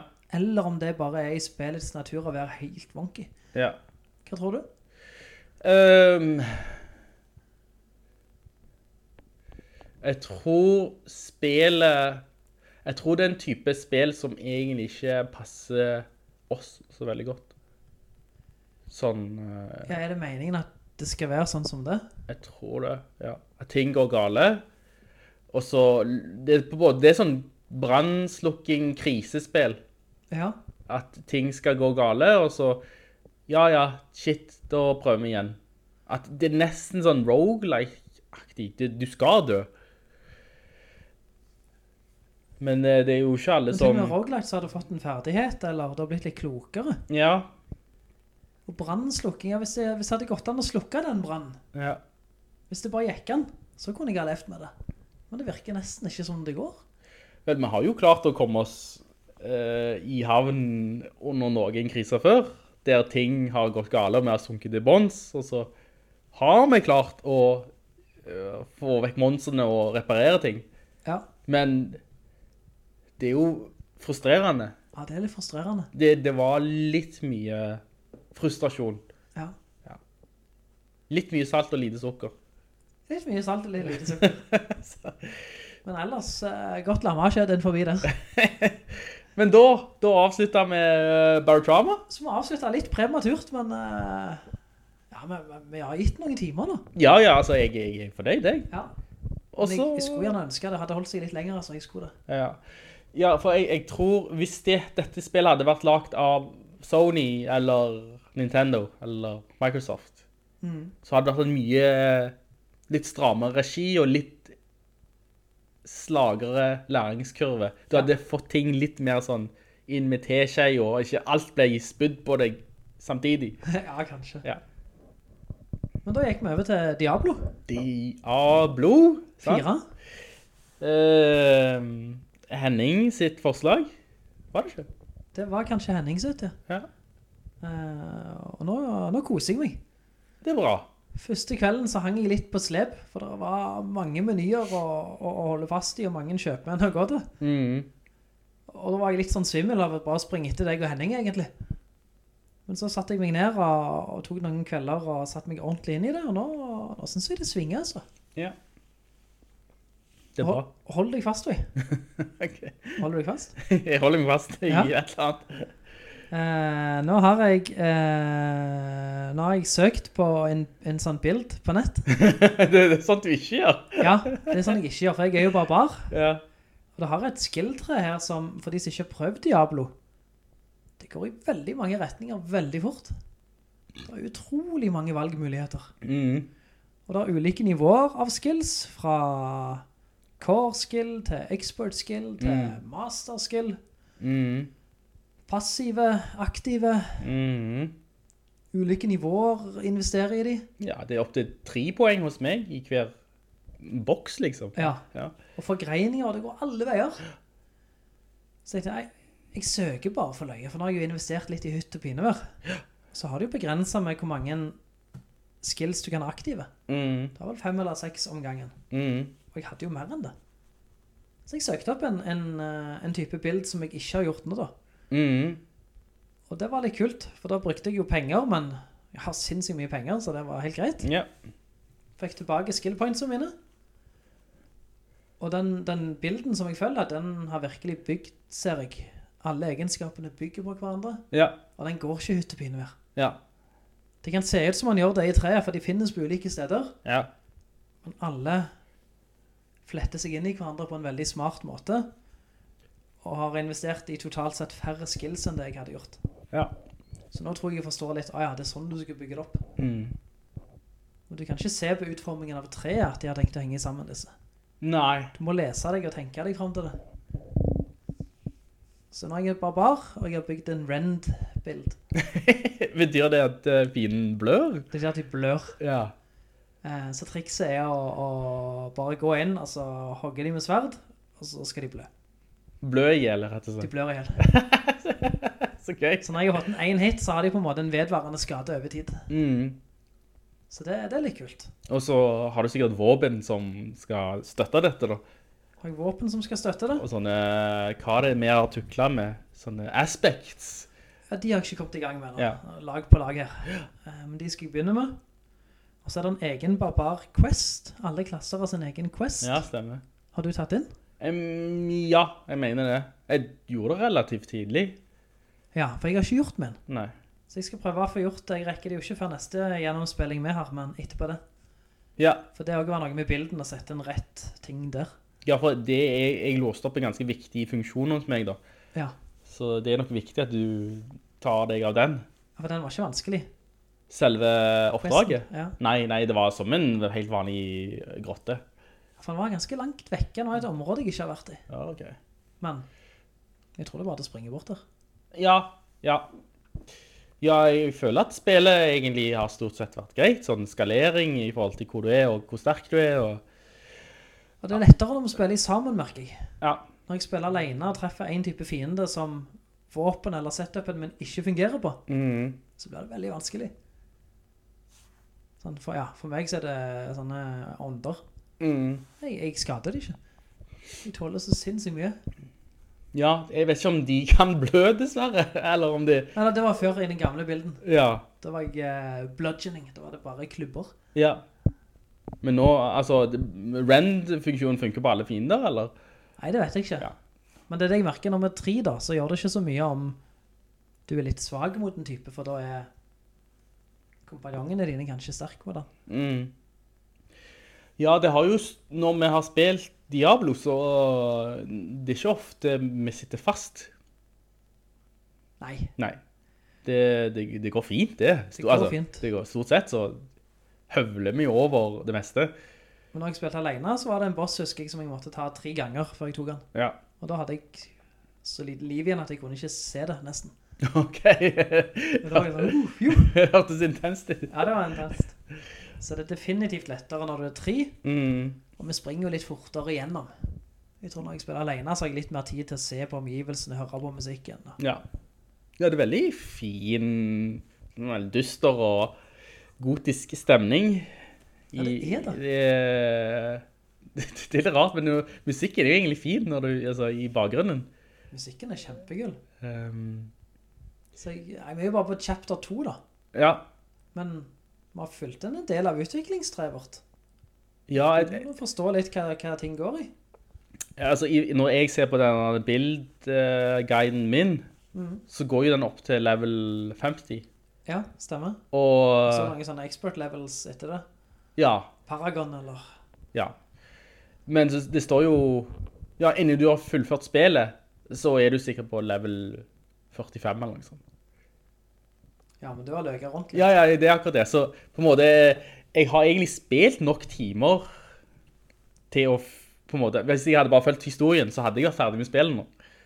Ja. Men, men eh, jeg har jo egentlig bare gjort masse annet kødd og kost meg. Ja. Eh, Så det er ikke bortkasta. Men kampanjen varer s- så og så mye.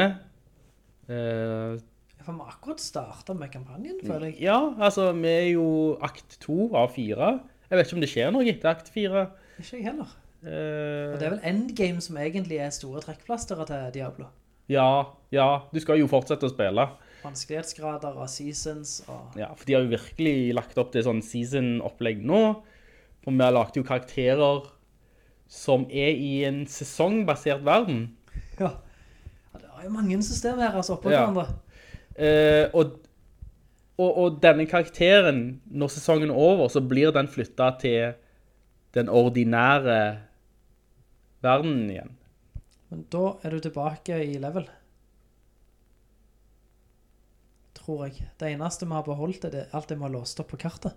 OK, ja. Og det er disse statuene som vi låser opp. Ja, De gir deg en del plusser på ferdighetstreet og egenskapene. ja det er Lilith, Ja. Trine. Ja. Hva det heter det? Eh, Eternal Realm? Men jeg tror det begynner i en ny sesong, da, så begynner du på nivå 1 igjen. ja. Men du er sterkere i nivå 1, siden Lilith-statuen og diverse Ja, overføres. ja. Så, så vi får se om, om vi Altså hvordan vi spiller dette. Ja. Jeg tror ikke vi skal starte forfra hver sesong. Eh, Men det, altså, jeg tror når, vi, når karakteren som vi spiller nå, når sesongen er over, så blir den overført til den ordinære verdenen. Ikke den sesongen, men den ordinary realm. Så kan vi fortsette historien nå, hvis vi ikke har rundet den. Vi kan fortsette historien, ja. Ja.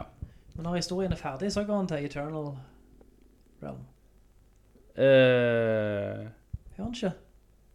Jo, altså, når historien er ferdig, så... Ja, der slutter historien, mener jeg. Ja.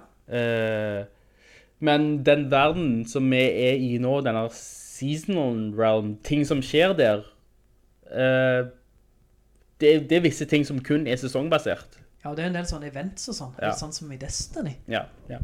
For Altså, ok, her dukker det opp en fiendegruppe, gå og deng de. Det kan jo være det er noen quests også som er kun sesongbasert, det vet jeg ikke. Ja, det virker sånn. Eh, fordi de, de, de har det- Blizzard prøver, og de vil jo ha en sånn kontinuerlig fornyelse av spillet. De vil ha folk tilbake hver sesong, Ja. som hver sesong varer to-tre måneder. Det er noe sånt, ja. Eh, så de prøver jo å holde liv i det. Så det spiller jo relativt nytt, men Ja, så begynner du på ny ved hver sesong. ja. Sånn at til og med de som har spilt lenge, er ikke så annerledes enn de som akkurat har hoppet inn. ja. Kanskje utstyret fortsetter? Det vet jeg Det ikke. kan være. Nei, jeg- ja, nei jeg, jeg vet ikke. Det er, jo- det er jo noe med disse eh, Det er noen ting som blir bevart, som du sier. Aspects og i Og hvert i fall Aspect også får du ta med. tror det. Jeg tror det. For aspect er knyttet til våpen, er det ikke? Eh, ja, eller Nei, det er det, denne aspect-boken. Ja. Det er knytta Den til har ikke jeg fått av henne. kontoen min. For jeg kan låse jeg, kan, jeg, kan, jeg har låst opp en del aspects som ikke tilhører eh, Sorcerer. Ja.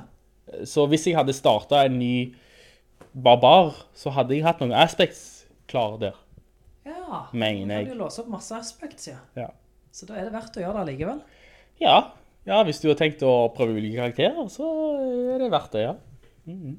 Trives du med eh, Sorcerer? Ja, for jeg har jo en type sånn eh, Jeg vet ikke hva du kaller det. Lightning crackle eh, saucer. Crackle Crackle, Sorcerer. crackle, I crack you. Crackle. Jeg måtte jo, jeg måtte jo eh, google litt, Lightning jeg òg. Bolt. Lightning bolt, lightning bolt. Fordi det jeg gjør egentlig, jeg kaster masse lyn på folk. Tingen er at lynene sprer seg. Det hopper fra fiende til fiende. Jeg ser det fra greiene seg som var i juling. Ja, og det, når folk dør, så dør ikke de på normalt vis. De sprenger, så da sprer det litt skade der òg. Og hvis når jeg på en måte Hvis jeg bruker min ultimate skill, så danner det seg sånne små strømbolter som jeg kan plukke opp, da. Som gir Som skader andre fiender når jeg plukker den opp, men som gir meg sjøl mana. Ah, Så jeg må på en måte stadig du er Raiden, rett og slett. ja, jeg må stadig el- gi folk støt, sånn at de dør, og sånn at jeg får mer strøm i meg selv, og kan skade meg. Altså, det, det er sånn feedback-loop der. Ja.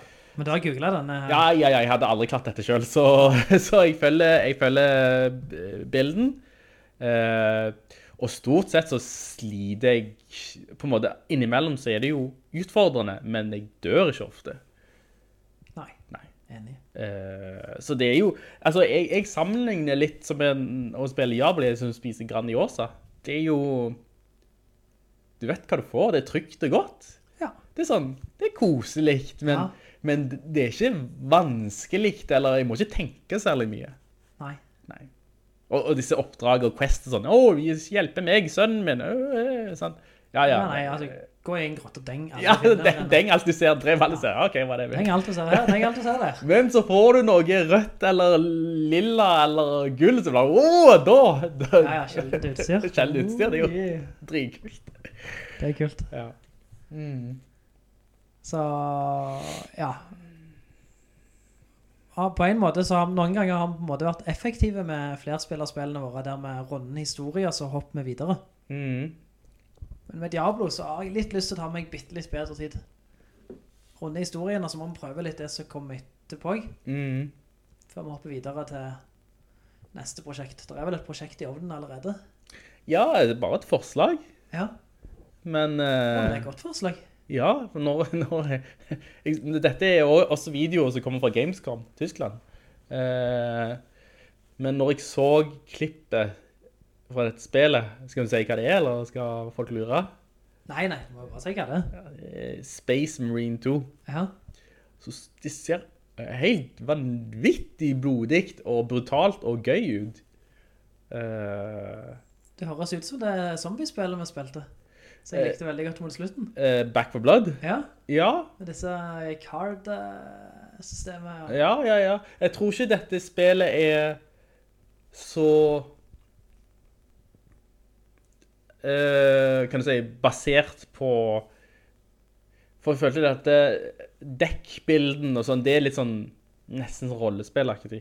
Ja, At de, de, de vet liksom, du kan bygge opp karakteren din med forskjellige kort og forskjellige våpen. Jeg tror dette er god gammeldags actionspill.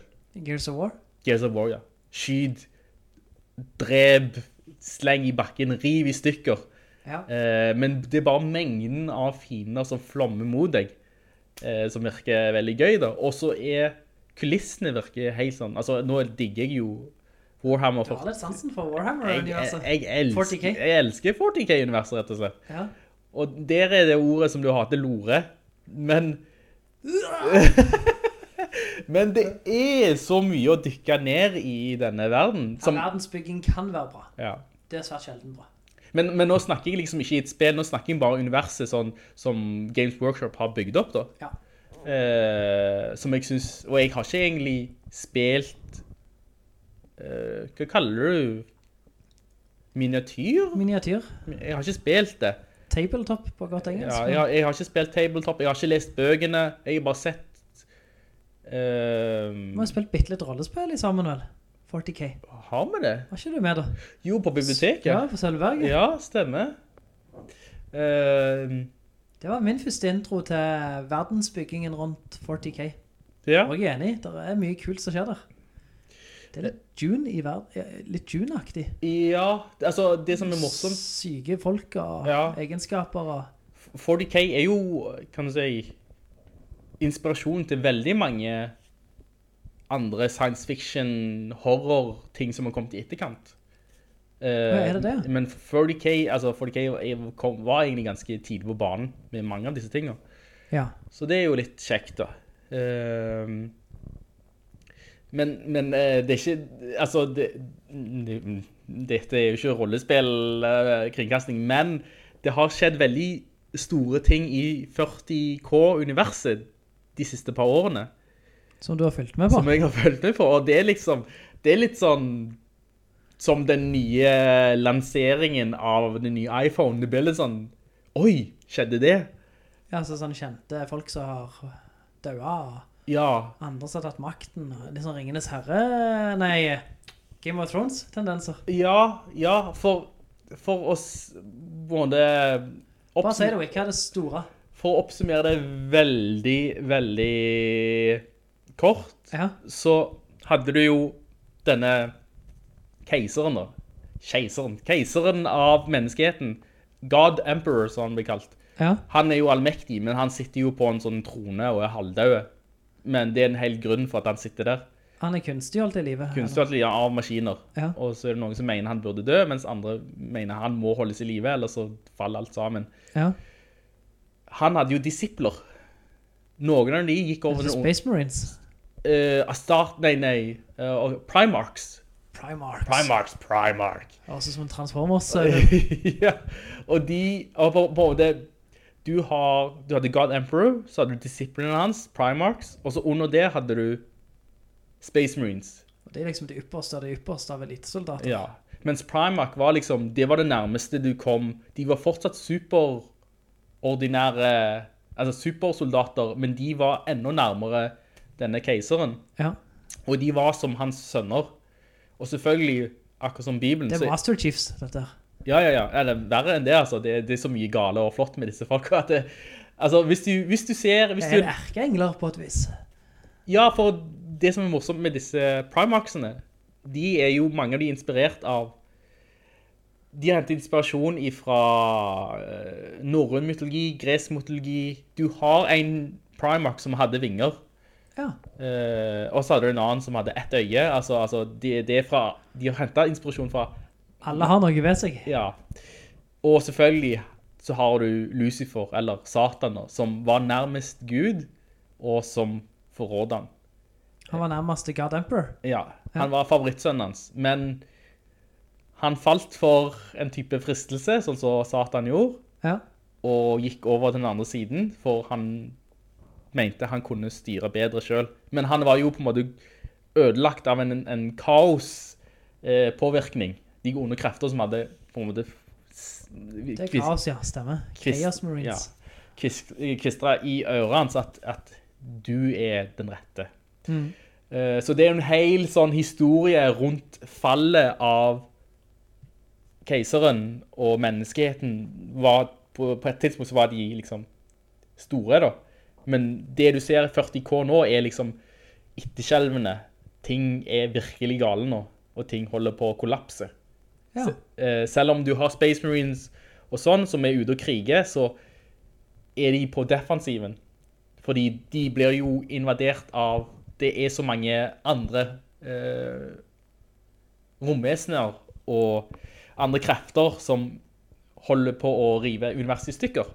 ja. Ikke bare Chaos, men det er òg noe som minner om aliens, altså xenomorph.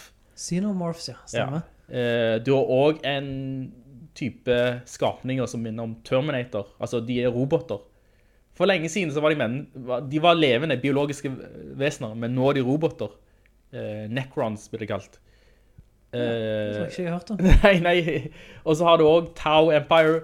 Nå sporer vi av, men Tau, ja, de tror jeg jeg kjenner fra Ja. Warhammer. ja. Ikke fra 40K, men Det, det er mye, det, og ork selvfølgelig, de er jo litt kjekke. Space Orcs. Space ork, sant?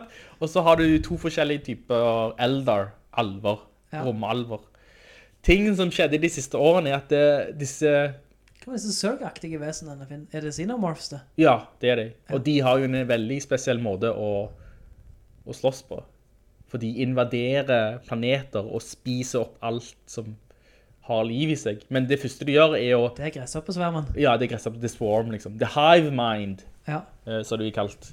Ehm, dette finnes det videoer på, Jukka, hvis du, hvis, Ja, det er du- hvis du har lyst til å dykke ned i det. Men nå er det, da er det noe stort som skjer nå. ikke? Ja, og det er disiplene til eh, keiseren. Ja. Alle, under det store slaget, så enten så døde alle, eller så forsvant de. Det er Men, det ikke lenger. men to av de kom tilbake.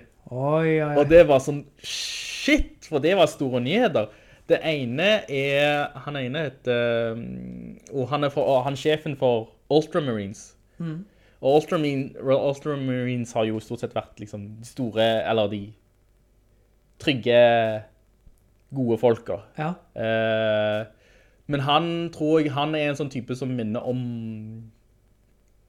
keiser Cæsar. Altså han er k- en Cæsar-type. Styrer stramt, altså med jernhånd, men han er den rette mannen for jobben. ja. Så han har kommet tilbake og har tatt styringen over menneskeheten. Selv om keiseren fortsatt sitter der, men visstnok så har han vært inne og snakka med keiseren.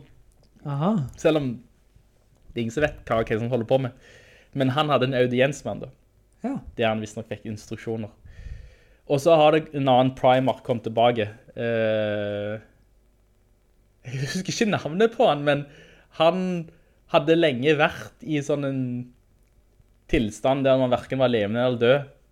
Eh, han liksom ble bare liksom holdt litt i liv, i sånn koma. Ja. Og så var visst dette tidspunktet for at han skulle vende tilbake. Så nå har du to Primarchs tilbake på slagmarken. Er Primarken eh, venner? Ja, ja, ja. Eller er de er det det. sånn Ja, søskenrivalisering det, er jo, mellom dem? det er jo litt sånn, altså de, de dreper ikke hverandre, men alle har jo sin egen oppfatning av kanskje hva som er best da. Ja. Eh, og, s- men så har du jo òg Det det er jo noen Primark som har blitt om til demoner. Men eh, det er ingen som helt vet hvor de er hen, eller hva de holder på med. Men det virker som ting holder i hvert fall på å gire opp mot et eller annet som stort som kommer til å skje, da. Og dette får vi litt innblikk i i Space Marine 2. Ja, jeg tror det. Fordi For de har uh, jo strategispill, de har Ja, bøker, de har tegneserier. Det er ganske mye. det finnes veldig mye, og Games Workshop har jo prøvd å ehm, kontrollere dette og få en litt sånn felles eh, plattform. Ja, For det kan ikke sprikke i alle retninger. Nei, nei. For det er jo vanskelig når, når det, folk lager så mange, mange forskjellige ting. Men nå tror jeg de har tenkt å lage en, sånn- en, liksom en felles plattform der me- ting blir mer samkjørt. Det er kanskje snakk om at de skal lage et cinematisk univers. mm, Der Henry Cavill skal ha en ledende rolle. Ja, han eh, vil ikke være eh, Witcher lenger. Nei, han er hverken Superman eller Witcher. Men han er jo nerd, så han kjenner veldig godt til 40K-universet. Ja, han gjør det òg, ja. Så, ja, ja. Så, så jeg tror kanskje hvis, hvis noen kan Hvis noen kan være et ansikt utad for 40K, så kan det være Cavill, fordi han har et veldig pent ansikt. Han må jo bli en sånn Primark, da. Ja, altså Folk har jo hinta til det. Kanskje han skal være keiseren sjøl, jeg vet ikke. Men, men, eh, men eh, jeg tror han har, en annen, han har en annen karakter i 40K-universet som han, er favorittkarakteren hans. Da, som ikke er en Primark. Jeg vet ikke hvem det er. Og som er hans favorittkarakter. Ja, ja. Han har nevnt det i et, et eller annet intervju. Ja, det er spekulasjoner. Eh, men eh, det vi ser i Space Marines 2-spillet er at eh, det har faktisk kommet en ny type Space Marine som er enda bedre, større og sterkere enn en vanlig Space Marine, Ja. underlig nok. Men altså, fra å være et vanlig menneske til å bli Space Marine, eh, så vokser jo du jo én meter, og så blir du 100 kilo tyngre i alle retninger, og så har du tolv operasjoner som gjør deg supermenneske, egentlig. De er som Witchers. Ja, Bare det er ikke potions de har drukket. Nå er det laboratoriebenken. ja. Det er veldig voldsomme inngrep i kroppen som der jeg tror mer enn 50 dør. Ja. Men nå har disse Space Marinene som er utsatt for alt dette, tatt enda flere operasjoner og oppgraderinger for å bli primaris eh, Space Marines, Ja. som er enda bedre visstnok. Men, ja. Men det er det, det du styrer i Space Marines 2 da. Det er jo da spiller du primaris eh, soldater, ikke ordinære Space Marines. Så en super, super soldat. Super, super soldat. Og det jeg likte med traileren til Space Marines 2 da, er at eh, hvis du er en vanlig soldat, å se en Space Marine er ikke noe, det er ikke noe hverdagslig. Nei. Det, det er som å se en engel. Ja. Det er sånn, oh shit, for de er jo så svære, og så, de de er jo ikke mennesker lenger. Nei da, de blir ikke sendt hvor som helst. Nei. De er på viktige Ja. oppdrag. Så det, det du ser der er liksom s- er, Det er ikke hvis, altså, de, de vanlige soldatene, det er spiker eh, Det er bare liksom vanlig Jeg vet ikke hva jeg skal sammenligne det med. Men det er ikke det ypperste. De, de- Space Marines blir bare brukt til det aller viktigste oppdrag de, det du har i, i 40K Organist, du kan, jo, du kan jo spille vanlige soldater hvis du vil. Ja, ja. Eh, og de, de faller jo som fluer, men det er det som er meningen med dem. Ja. At du, da har du bare masse soldater som bare pøser på, og så har du tankser og helikopter og fly og artilleri og sånn. Ice Warriors of Valhalla. Ja, sant? Så det, men hvis du trenger noe spesielt for et spesielt oppdrag, så sender du en aks med Navy Seal. Sant? Det er kun ment for ekstremt viktige ting. Ja. Så det er 40K-universet veldig... Men det spillet har ikke kommet ut ennå. Nei, det kommer til de, de har sagt i løpet av vinter 2023, som kan være nærmere jul, det kan være... Ja, Vinter 23. Jeg tror det. For vinter er jo like mye 24 og vel så det. Det virker som det kommer... Da må det være det november-desember, altså. Ja, de frykter det. Det er kanskje oktober, men, Det er høst. men eh, vi får se. Vi får se. Og det pleier jo ikke å komme spill rett før jul, gjør det det? Nei.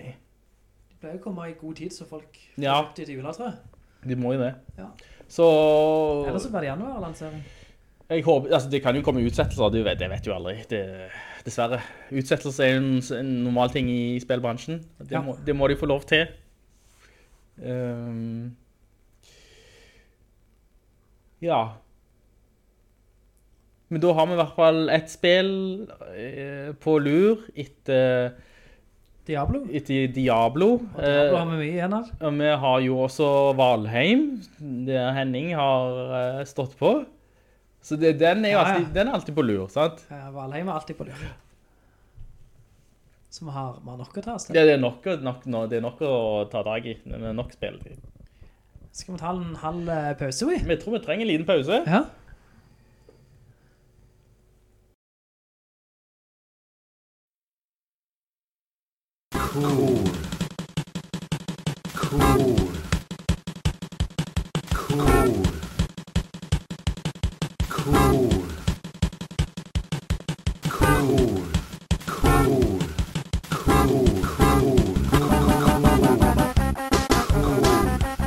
Cool. Cool. Cool. Er vi tilbake? Ja, vi er tilbake. Kul kultur. Det, er- vi har opplevd mye litt av hvert, for å si det sånn. Skal vi ta først det vi har lovt? Og det er Oppenheimer. Oppenheimer på kino. Ja. For det er en av årets store kinoopplevelser, lovte de. De lovte det. Altså, også i, i kombinasjon med Barbie, da. For Barbiehei- Barbieheimer Bar- Barbenheimer. Barba- Barbenheimer? Ja. Det var en greie. Det var trenda på Jeg har ikke sett Barbie. Nei. Jeg tror jeg sover godt om natten allikevel. Har du, har du tenkt å se den? Nei. Nei. Det, jeg, jeg tror Altså, jeg, har, jo- jeg tenkte jeg skal, jeg skal nok se Barbie en eller annen gang. Men det var litt morsomt at disse to filmene på en måte kom sammen, på et vis. Ja, Litt sånn to, de hadde vel premiere samme dag. to veldig forskjellige filmer, og at folk gadd å sitte fem timer totalt for disse to filmene. Ja. Jeg, jeg, jeg, jeg er ikke du lei etter én film, men nei, nei. Men, men dette, jeg tror eh, Jeg tror dette var litt sånn en feiring av å gå på kino igjen. Det var sånn liksom, det man ble markedsført. Kom deg på kino ja. igjen. Covid er ferdig, nå kan vi Ja. samles. Ja. Så det, det er bra. Eh, hva tenker du om Oppenheimer? Jeg syns det var en veldig, veldig bra film. Ja, Men det er veldig Det er Nolan. Det er liksom Det er hans stil, måten han gjør på. Tilbakeblikk, sideblikk, svart-hvitt. eh, narrativ, ikke kronologisk. Det tar en stund før du vet hvor du er henne i historien. ja, Ehm, og så er det noe med måten han bygger opp scener på, og musikken innimellom, så var musikken litt sånn overdøvende i forhold til det som ble sagt. Eh, han har sikkert en sånn kunstnerisk baktanke med det. ja, for kanskje ikke liksom, det er så viktig hva som blir sagt, men bare at det et eller annet, at, at ting skjer, liksom. Ja. For altså, det, er jo, det var jo veldig vitenskapelig i denne filmen. Jeg vil tippe vitenskapelig nøyaktig. I forhold til atomer og reaksjoner og... Jeg forstår jo ikke dette, sant? Jeg kan ikke arrestere deg på noe der. Men jeg følte jo jeg hang med i svingene likevel på det vitenskapelige. Jeg Ja. følte meg jo ikke teide. Nei. Så han fikk meg jo til å føle meg smart. Ja, Så det, det var fint. det var fint. Det var bra gjort. Ja. Det, det er ikke alle som klarer det. Eh, men så, så klarte han jo i begynnelsen å Jeg tror han prøvde å framstille hvordan Oppenheimer sitt sinn funka. For han drømte om ting som spalta seg, som eksplosjoner. Han så noe når han lukka øynene. Det er jo bare litt sånn typisk Nolan, alt dette. her. Ja. Så hvis han aldri hadde truffet Nolan, så vet jeg ikke om han hadde hatt drømmene på det viset. Ja, ja det er akkurat det. For jeg vet ikke om det Han er er basert Interstellar eller Ja. Inception. Altså det, er- det går jo litt i samme bane, dette. her. jeg, jeg tror dette er basert på en bok eller noe sånt. Men som Jeg vet ikke om, jeg vet ikke om det er en sjølbiografi. Jeg tror ikke det. Det er ikke en sjølbiografi. Det tviler jeg på at eh, Oppenheimer satte seg ned og skrev om livet sitt. Han virker ikke som typen til å gjøre det, men jeg kjenner han jo ikke. Voldsomt interessant type, selvfølgelig. Og det er jo derfor det finnes en film om han. Ja, for Jeg jeg hadde jo hørt skikkelig lovord om denne filmen. Ja. Og folk hadde jo skrøyta han opp i skyene. Jeg syns han var bra, men jeg syns ikke han var i skyene. Nei. Den ene tingen som jeg ble fortalt, var at du må se han på kino. Ja. Det er ingen annen plass å se denne filmen enn på kino. Ja. Men det er jo 97 dialog. ja. Jeg må ikke se dialog på kino. Nei. Ok, altså så var det fint når atombomber smalt, eller felt, og så ristet bassen. Mm. Kult nok. Men det er noen år siden jeg ble så ekstatisk av at en bass ristet, altså. Mm. Så nei, jeg må ikke se han på kino. Du kan se han hjemme. Mm. Bortsett fra at du vil ikke bli avbrytet eller avbryte deg selv. Du vil jo sitte konsentrert. Mm. Så sånn sett var det greit å se han på kino. For spesialeffektene sin del. Nei, Ja. nei det, det, det er jo bare dialog. Nesten. Ja. Og hele spiondramaet, det var litt mer komplisert enn det jeg hadde sett komme. Så jeg hang ikke alltid med hvem som var hvem, i hva for et byrå, i hva for en stilling, Nei. og hva som egentlig skjedde. Alle hadde en agenda, vet du. sant? Alle har en agenda, de har en skjult agenda, og det blir ført litt bak lyset som seer òg. Mm. Han eh, Strauss virker som en fin fyr, Ja. og så er han ikke en fin fyr. Nei. For han har lurt han. Så det var kult, men relativt krevende å følge med på. Og jeg tror kanskje det i seg selv er verdt du får mer ut av å se han to ganger. Ja. Det er sant, det. For jeg var ikke helt forberedt på at det skulle være så mye spionthriller. Mm. Det var jo kalde krigen og sant og, og spioner, hvem var egentlig en russisk spion? Ja, veldig mye sånn kommunistfrykt. Ja. Og det var jo sånn på den tida Eh, at eh, de liksom Ja, var du sympatisør med kommunister? Hadde du egentlig Var du spion? Altså, det var jo òg mye sånn eh, Amerikanske regjeringen prøvde jo å Kanskje De jakta jo på disse folk på, på befolkningen som de trodde kanskje var spioner. Så det var mye sånn paranoie porno- i samfunnet, da. Ja, han er nok ganske samfunnskritisk. Jeg vet ikke om det er så gale som de fremstiller det, men hvis det var det, så... Jo, Det har nok vært relativt hysterisk på et tidspunkt i historien. For, ja, for jeg tror det var på den tida en sånn hysteri, skråstrek eh, Heksejakt? Heksejakt, da, det er bra ord for Hvis du hadde liksom i det minste har sendte penger til det feil land, så var du mistenkt og anklaget for å være en sympatisør Ja. og var en kommunist. Og det kunne ha alvorlige konsekvenser for eh, ja, deg sjøl og hele din familie. Og det er jo litt det som var kult med Oppenheimer, at han gjorde det som han mente var riktig å gjøre. Men det er derfor myndighetene ble så forbanna på han òg, Ja. og skulle ta han. ja. Og så syns jeg når jeg så filmen, så tenkte jeg Han som spiller Oppenheimer, det var en dårlig skuespiller. Han Ja. skuespiller jo ikke, han ser jo helt lik ut i trynet fra start til slutt. ja. Om han skal ut og fullføre drømmeprosjektet sitt, eller om hele livet hans blir revet i filler. Han ser helt lik ut. Mm. Du kunne ha brukt Stallone. ja. Men så har jeg hørt fra folk som kan det bedre enn meg, at eh, det var veldig typisk Oppenheimer. Ja.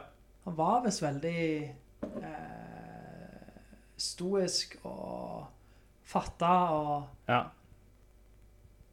det, kanskje til det ekstreme. Sånn at det er egentlig en helt riktig portrett av han. Mm. Så kanskje det hjelper også å kjenne litt til bakgrunnshistorien før du ser filmen. Ja, for Han jeg, fremstår som veldig merkelig. ja, altså, han, han var jo et geni på sitt felt, Geni på sitt felt, ellers litt spesiell. og, og jeg tror sånne folk er litt spesielle, Ja. eksentriske. For all- du, du hadde jo mange andre folk rundt han som, som var med på prosjektet, Ja. som var mye mer, kan si, levende. Ja, de var levende. Eh, mens, men jeg tror det er riktig, altså, som du sier, at eh, Oppenheim var en litt sånn merkelig stille fyr, eh, som var sånn laserfokusert på målet sitt. Ja. Eh, og det gikk jo utover, kan du si, elskerinnen hans, og Hele privatlivet hans Hele- gikk det utover. ja, sant? Ja. Fordi han hadde kun fokuset på denne bomba, eh, og det satte han jo foran alt. Så det var som en besettelse, kanskje, Ja. eh, som de... Men, jeg, men det er jo noe, jeg tror det var også, no- de prøvde liksom å ha fokus på intelligensen hans, at han var den riktige personen for å kunne gjøre dette. Ja. Han, han klarte jo å samle sammen alle vitenskapsmennene, og hadde planen liksom, ok, men vi må lage en by, liten by, landsby, midt i ørkenen. Og det var jo riktig da. Ja. Ehm. så det var jo liksom, kanskje ikke, uten han, så kanskje ikke dette hadde skjedd da. Eh, men det krever jo en mann med visjon, en uni- unik mann da. Ja. Så det synes jeg de har klart å få fram, få fram ganske bra. Ja, veldig. Eh, Det jeg- var Hennings informerte meg for øvrig i ettertid. Om, Ga- Altså, at han, det her var ganske i stil med han som person. Mm. Og det, det finnes sikkert dokumentarer og, og, og intervjuer og bøker hvis du vil eh, lære mer om Oppenheimer. Men han er jo kjent for dette sitatet da, som er fra hinduismen eller noe sånt. Eh, Jeg har blitt døden. Ja, eller noe sånt. stemmer. Og det er jo... Det var en stor del i filmen òg. Ja. Vel, det skjedde jo litt under et spesielt tidspunkt, Ja. når han sa det for første gang. Eh, men det er jo litt av et sånn ettermæle, selvfølgelig. Altså å være faren til atombomben. Ja, det er litt av et ettermæle. Eh, og jeg Hva tenker du om Altså at, at han lagde bomben, men etterpå på en måte prøvde å motvirke eller bekj- bekjempe utviklingen eh, av eh, kappløpet. I, altså konsekvensen av bomben, da. Og det var jo der jeg synes han ble litt mer kompleks som karakter. Eh, altså, og alt det han leste utenom naturvitenskapen også, av religion og etikk, så virket det som... eh, jeg vet ikke, jeg synes det var en, en kul, veldig kul vri på det, at han som var mannen som klarte det, og var mannen som stoppet det. Mm, For han innså konsekvensen av dette. Så det sitatet oppsummerer ganske bra, men det ja, Nå kommer jeg ikke på ordrett, hva da? Ødelegger, ødeleggeren av verdener. mm. Det er jo litt sånn Så han ser på en måte Han kunne nok ikke latt være å medvirke til atombomben. mm, Men han angrer samtidig på at han gjorde det, og ville stoppe han. Det er jo Så er han litt sånn i konflikt på en måte med sin, sin egne kapasitet og visjoner, og det han vet er riktig å gjøre. Det er jo Altså, hvis ikke USA hadde klart det, så hadde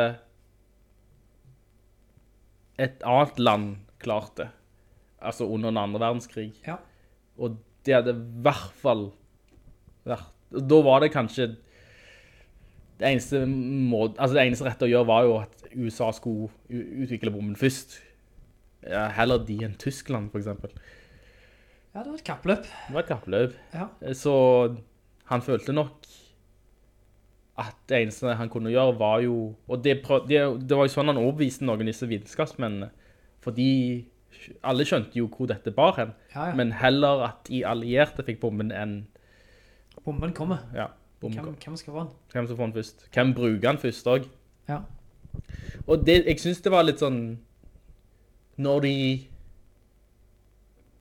skulle rettferdiggjøre hvor bomben skulle droppes Ja. De satt i det rommet, det syns jeg var ganske sånn ekkelt. Fordi det var sånn OK, hvor skal vi droppe to bomber?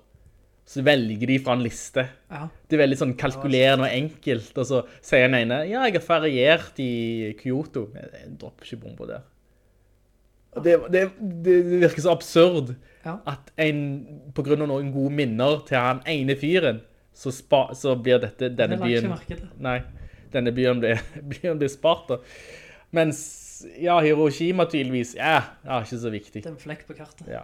Ja. Eh, men det virker litt sånn Hva Altså, jeg, jeg, jeg, jeg eh, er ikke sikker sjøl på hvor viktig disse målene var strategisk.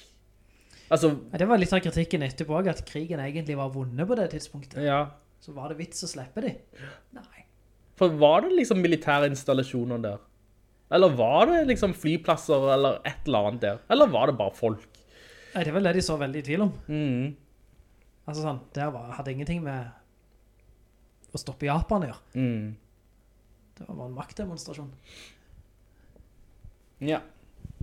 Så syns jeg det var eh, Det var litt kult at eh, etter bombene ble droppa, så ser du Han Oppenheimer ser jo sjøl at det er en feiring, da. Ja, Folk applauderer og vil at han skal ta en tale, men ja stemmer. da ser han jo liksom Han ser for seg han dette. ser for, I publikum så ser han for seg brente, døde folk. Ja. Og så skjønner han liksom ja, OK, det, dette er ikke noe å feire. Nei. Han ser hva, hva, hvor dette går hen.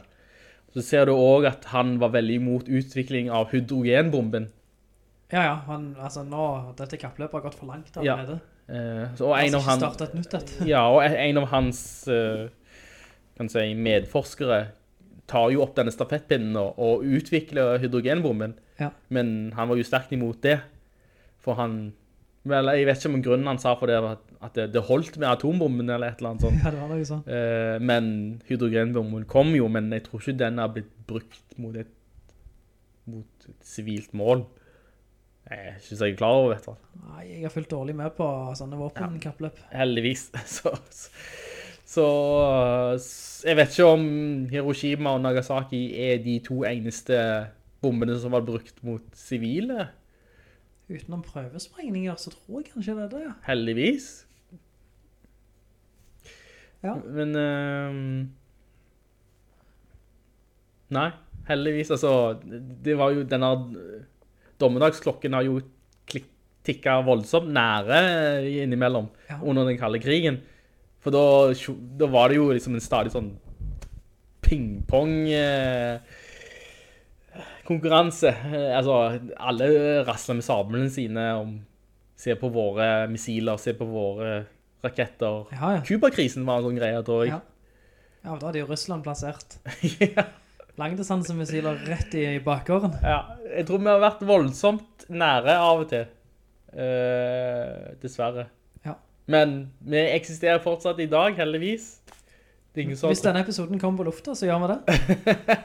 Det er ingen som har trykt på det. Alle snakker om den, alle snakker om den store røde knappen, som, som det, knappen når du avfyrer disse rakettene, da. Men det er jo som den kalde krigen var jo sånn, ingen vil trykke den knappen, fordi det betyr at begge sider egentlig blir ødelagt. Ja. Ja. Du, du vinner, men du taper. Ja, alle taber. Alle taper. Men du har jo galninger nå som jeg føler er kapable til å trykke den knappen uten å tenke på Det er sånn de blir framstilt, i alle ja, fall. Det var jo det som virka som eh, tidsånden under den kalde krigen òg. mm, At folk tenkte nå har vi en gjeng galninger med et arsenal mm. som er i stand til å slippe det løs. unger måtte jo De, lærte, de ble jo drilla i å gjemme deg under pulten. Altså, de hadde ato- atomøvelser Ja. der de eh, strødde jod på seg eller et eller annet sånt og gjemte seg under Ja, pulten. helt sikkert. Det var helt absurd. Ja, hvis bomber dropper, så gjø- nytter det ikke å gjemme seg under pulten, mann. Men ja, ja. Nei, ja, vi hadde jo jeg vet ikke, jeg bare husker Vi hadde jo bomberom på alle skoler sjøl. Ja. Bygde jo ikke en skole når vi vokste opp uten bomberom. ja. ja. Godesett, husker du? Ja, Nede i gymmen der. det var bomberom. Der bomber. Det er sånne enorme dører. Eh, Jeg vet ikke om de har bomberom i dagens skoler, altså. Nei, jeg, jeg tror ikke det Men det var helt naturlig for oss. Det er jo bomberom. Nei, så det er Ja. Oppenheimer. Eh, Men av det jeg likte best i filmen, så var det nok når han treffer alle vitenskapsmennene i starten av når prosjektet blir til. Og så var det jo Det jeg lurte mest på, var hva er det han og Albert Einstein snakker om. mm. Og det, det var kult. Det likte jeg godt. Ja, jeg likte hvordan de portretterte Einstein. Veldig. Eh, det, det jeg likte på en måte hvordan han ble fremstilt som en sånn veldig sånn gammel og veldig sånn glemt person. Verden var ferdig med han. Ja. Og han sa til Oppenheimer, verden, du kommer til å være der jeg er nå en, en dag. ja. Der verden er ferdig med deg, og du er brukt og, kan jeg si, kastet til siden. ja. Ehm, nesten som en advarsel til Oppenheimer. Ja. Ehm, men ja, alle disse, ve- veldig mange svarte folk liksom. Jeg følte det var litt sånn, sånn Ocean's Eleven-aktig nesten. Ja, ja. Der han samler crewet, og alle var gode på et eller annet. Og... Klart det. Sant? Så nei, altså bra film.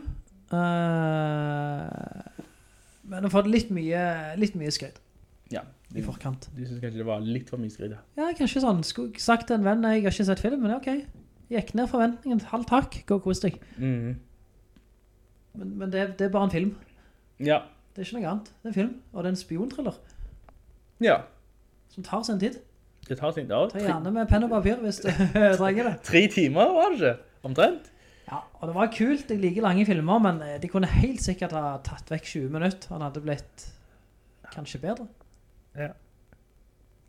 Men ok, det er kult da. Ok, det, da har du opplevd det. Ja, Så en Eh, god film, men eh, jeg tror jeg har trillet den som femmer, jeg, på en sekserterning. ja, jeg synes det er... Men seks er ikke uoppnåelig hos meg. Jeg vil bruke hele skalaen, men en Ja. femmer. Ja. Ja, mye bra. Altså, det var vanvittig mange kjente skuespillere i alle ulike roller. Eh, og det virker som alle vil jobbe med Nolan, da. Ja, ja. Så de, de sparte ikke på kruttet, for å si det sånn, eh, i forhold til talenter som var på skjermen. Nei. Ehm, Altså, du har historien, du har pengene, du har velvillige skuespillere. mm. Det må jo bli ganske bra. så, så altså Kino har jo på en måte vært litt sånn på nedtur. Eh, det, kom, det, har kommet- det kom en del filmer som Ja, kino rett til strømmetjeneste. Ja, altså nå er liksom strømming og kino, det går litt om hverandre. Jeg tror antall kinogårder har gått ned, på grunn, litt på grunn av pandemien, sant? Men Ja. også på grunn av at folk har ikke sett behov for å gå på kino. Så nå skulle både Barbie og Oppenheimer være liksom trekke folk inn i salen igjen. Ja, og sånn sett er det bra å få folk til kino. Mm. Så jeg mener ikke, jeg er ikke lei meg for jeg så han på kino. Eh, Men s- det, du trenger noe stort da. Altså for å kunne trekke publikum på den måten, så må du ha Ja, de har, dette er... Dette er A-team de har tatt med. Ja, ja, de, altså, de har jo det, det, det, det, Jeg tror det er et veldig sånn stort maskineri som har fått dette til. Sikkert. Eh, både sånn PR og reklame, men òg eh, masse buzz. Altså gode anmeldelser, god kritikk. Ja. Eh, men det er ikke ofte du ser så stor oppslutning rundt én film. Vel, nå var det jo Barbie òg, da. Rundt to filmer. ja. Det er ikke ofte du ser så mye oppstandelse, rett og slett. Nei, det var kult. Ja. Jeg liker jo kino. Ja. Automatic. Machine gun. Magnum. Rifle. Shotgun. Life. Reload. Skal vi hoppe over på neste kulturelle opplevelse? Oi? Ja, det kan vi. Fordi eh, vi har spilt eh, god gammeldags arkademaskin. Det har vi, men det var ikke på high score.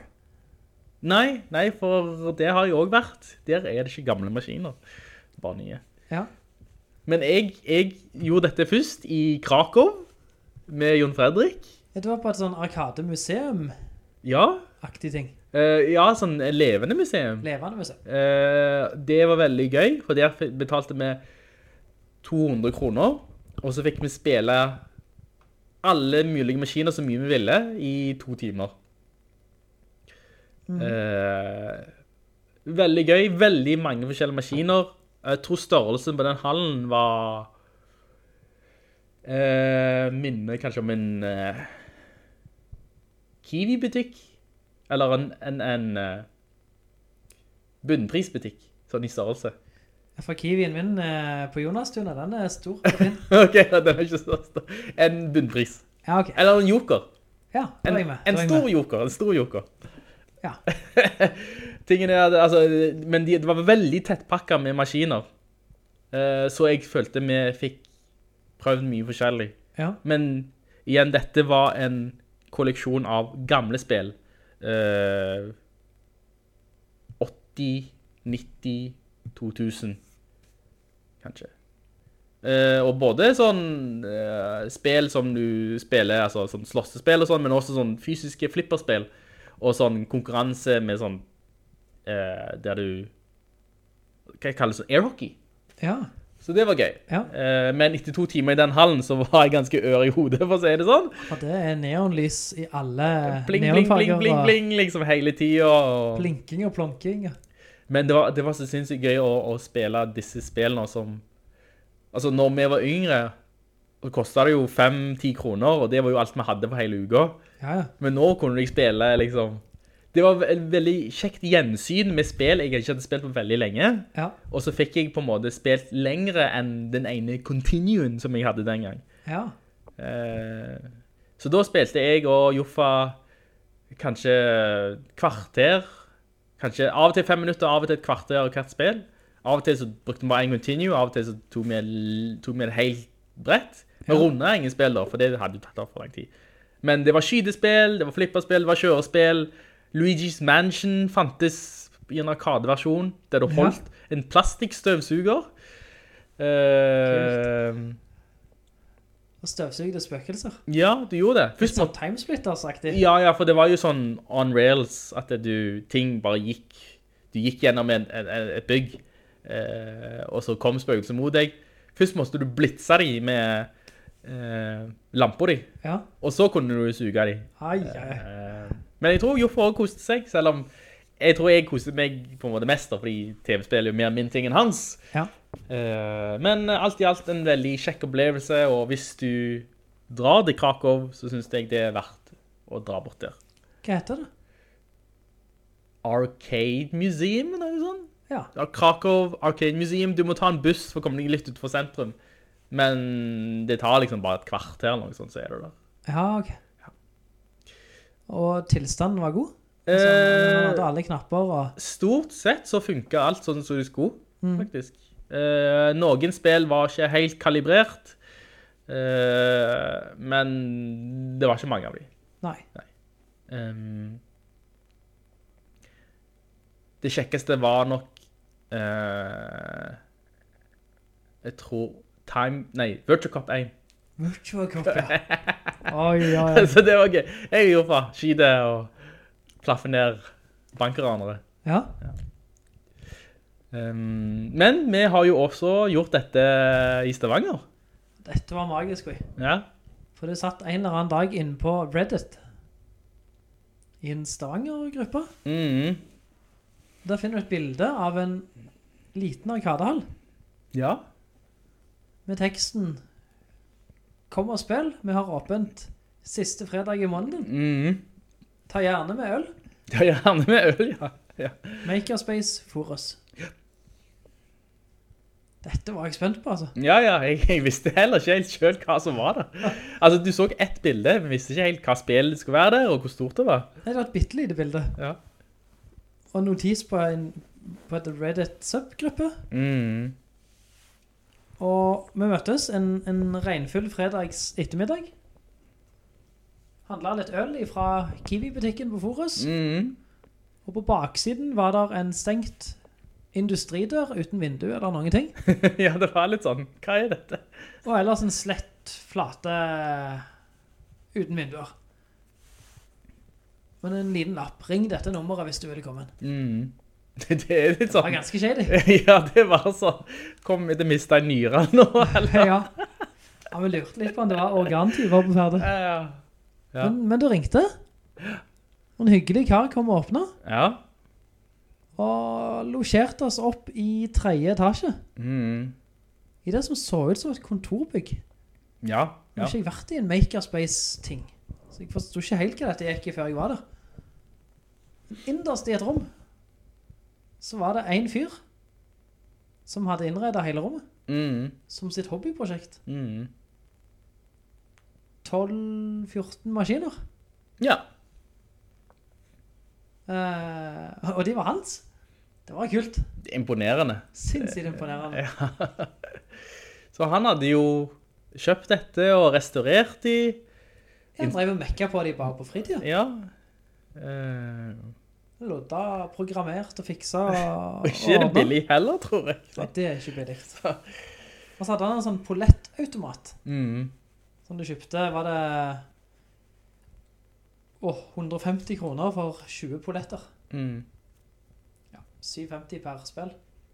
Det er ganske bra. Ja, ja, ja, veldig hyggelig pris. Men det var ikke alle maskinene som godtok disse pollettene. Nei, da kastet du i ei bøtte, eller? ja, da bare spilte du kanskje. Ja. Det var bilspill, skytespill, vannskuter, wave race-aktig simulator. Det var vanskelig. Ja, det var imponerende, altså. Det var ikke lett. Nei. Med redningsvest og hjelm. Ja, ja. Og, og voksenspill var det også.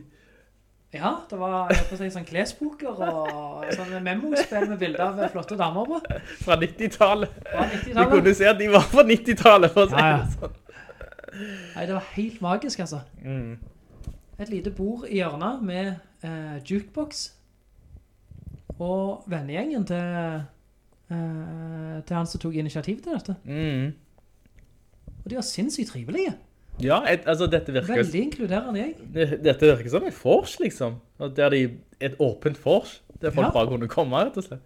Ja, vi ble liksom ikke uglesett, selv om vi kom der en liten bande opp trappene. Altså, kom an, kom og spill, da. Vi ble kalt Reddit-gjengen. Jeg vet ikke om du fikk det med deg? Jo, vi var reddet gjengen. Reddit-gjengen. Og Vi, vi, hadde jo, vi var jo en liten bøling som gikk jo der. Ja. Og alle hadde rasket med seg en, Mm. og da ble vi vel fem. Nei, det var sinnssykt kult, du. Mm. Det var som å være på fest da jeg var 18. Du bare satt deg ned ved et bord og pratet med folk, og ja, traff folk du ikke hadde truffet før. Og, og de var åpne, hyggelige, god musikk. Og jeg satt vel bitte litt lenger enn deg også. Ja. Eh, Da var jeg, fer- altså, da var jeg mettet på arkademaskiner. Da hadde jeg brukt opp pollettene, og Mm. jeg tror hjernekapasiteten var oppbrukt også. Jeg ja. var litt varm i hodet, altså. Ja, ja, ja, ja. ja, ja, ja, ja. Eh, og bare pratet med folk rundt bordet, og slappet av og hadde det fint. Men skulle de videre et sted? Nei, det vet ikke jeg noe om. Eller om Nei. de bare satt der, eller. Ja, det, det var ikke snakk liksom, ja, vi skulle på byen nå, eller liksom. Ikke så jeg fikk med meg. Nei. Nei. Men det er jo, det er jo på forus, så det kan ikke liksom... Nei, jeg ser ikke for meg at de skal ut. Ja, for det virker som de hadde så fint og kjekt akkurat der de Ja, satt. stedet var helt perfekt, Ja. altså hvorfor skal de gå videre? Ja. Bruke eh, transport og komme til en dyr plass der de s- ja, betaler for ølen sin, rett og slett. Ja. Så, Og så er nei. det en fredag i måneden, så det er sånn, ja. Det går fint an å få til det. Mm. Hver annen, annen hver gang, kanskje. Så det, jeg vil gjerne tilbake, altså. Og det virker som eh, han her fyren Kan vi si navnet hans? Ja, det tror jeg. Ja. Ravn, sant? Ravn var det. Takk, jeg husker det ikke. Eh, det virker som Altså, det, han, dette er jo pågående prosjekt, så han Jeg tror han bytter ut noen av maskinene og, og eh, mekker på de og fikser på de, så jeg tror kanskje det er noen andre spill hvis vi kommer der igjen. Åja, tror du det? Ja, det tror jeg faktisk. Ah, Eh, basert på denne Reddit-posten, i hvert fall. ja. For det, det sto et eller annet sånn, ja, for denne gangen har vi disse og disse nye spillene. Ja. Mm. Nei, det, er så, han hadde jo også en sånn bamsemaskin, vet du. Ja, ja, den kloen, ja. Ja, kloen. Men han hadde jo vært en som fiksa sånn at i stedet for at kloen ikke tar tag i noe, så tok han jo to bamser på en gang. ja. Jeg klarte jo ikke, men eh, du fikk to. Jeg fikk to, så Ja. tok vi hjem til ungene, og de, eh, de var happy, altså. Så bra. Ja, ja. Så nei, nei, det var, jeg synes det var helt topp. Og det er noe eget med arkademaskiner, for du, du spiller litt, og så trekker du deg tilbake og ser på andre og prater litt, og Mm. så tar du en runde til. Det var jo også veldig kult med fire sammenkoblet biler. Ja, Ah. Sega, ikke Sega Rally, men et annet Ja, Sega-spill. ja, det var noe... Det var et Sega kjørespill, der. Med manuell gir, det har jeg ikke prøvd før, i, i spill. Ja, ja. Det var kult, altså. Nei, det, det, det er liksom noe spesielt med å sitte med andre, og så konkurrerer du, så stanger du i hverandre, og så, altså... Det var jo gøy. Ja, ja. Ja. Jeg vet ikke om det var før eller etter du gikk, men sent på kvelden når jeg satt på bordet og, og pratet og drakk litt øl og koste meg, Mhm. så var det en gjeng som hadde spilt en del runder og begynt å bli skikkelig kompetitive. Ja, ok. Og det var mye brøling og eh, roping og god stemning ved, fra disse bilstolene, altså. Så bra. Ja. Nei, jeg tror du jeg, Altså, jeg, jeg Når jeg så de andre spille, så virka det som de hadde spilt dette spillet før. Altså, de kunne banene, rett og slett. Vi kunne ha banen, fysikken. Ja, ja. ja. Fordi eh, det, er jo- det går jo voldsomt fort. Eh, det er jo Det er ikke en kjøresimulator. Det er ikke Gran Turismo, dette. Nei, nei. Det går altså Det er jo U-svinger, og så går det jo 100 og 200 km i timen. Ja. Så, men det er jo gøy, altså. Men jeg merker jo at jeg, jeg hadde ikke sjans mot disse andre folka som kunne spillet veldig godt, da. Ikke jeg heller. Jeg kan jo egentlig ikke bilspill, men vet ikke, bare det å sitte i en bøttestol med ratt og pedaler og, og girspak, det var løye. Ja, Jeg, jeg, jeg, jeg, eh, turte ikke å begynne med giring, altså. Eh, Jeg, jeg syns det er nok med å bare gasse og bremse. Ja, men det er greit å ha noe å skylde på. Ja. Så nei, eh, gode lyttere som befinner dere i Stavanger-regionen eller omegn, Mhm. siste fredag i måneden, Makerspace Forus. Anbefales på det varmeste. Så har du jo masse andre kjekke ting òg som du kan finne på der, som ikke handler om spill. Ja, hvis du blir med i Makerspace-foreningen. Mhm. Det var alltid fra CNC-drilling til tresløyd til Kanobygging. 3D-printing og kanobygging. Ja. Det er virkelig en plass der du kan lage hva som helst, nesten. Jeg tror folk kommer og deler ideer og deler litt disse her store maskinene som kanskje enten er dyre i innkjøp, eller som du ikke har plass til hjemme. Så kan de komme ned og så kose seg med det et sted med litt, litt levensram. Mm. Treffe litt folk. Ja. ja. Det er mye å gjøre, rett og slett. Ja, det er miljø for det. Mm. Så det, er- det er jo samme prisen som på et treningssenter, tror jeg de sa. Ja. 400 kroner i måneden eller noe. Ja, så hvorfor ikke? Hvorfor ikke? Hvis du har et sånt kreativt eh, utløp som du Og du føler at du har lyst til å skape et eller annet, så er det nok den rette plassen å gå. Ja, jeg prata med noen som, som har eh, etterpå, som har eh, hatt medlemskap på Makerspace Forus. Mhm. Eh, men hun brukte det som kontor først og fremst. Ja.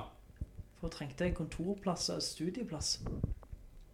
Altså, er dette en kol kollega på universitetet?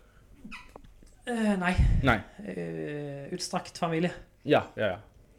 Men da var det fint å bruke det som studieplass, samtidig som hun tror gjorde litt kreative prosjekter òg. Ja, ja, ja. Så. Ja. Men det var visst ulike folk som bruker det om dagen og om kvelden, tror jeg.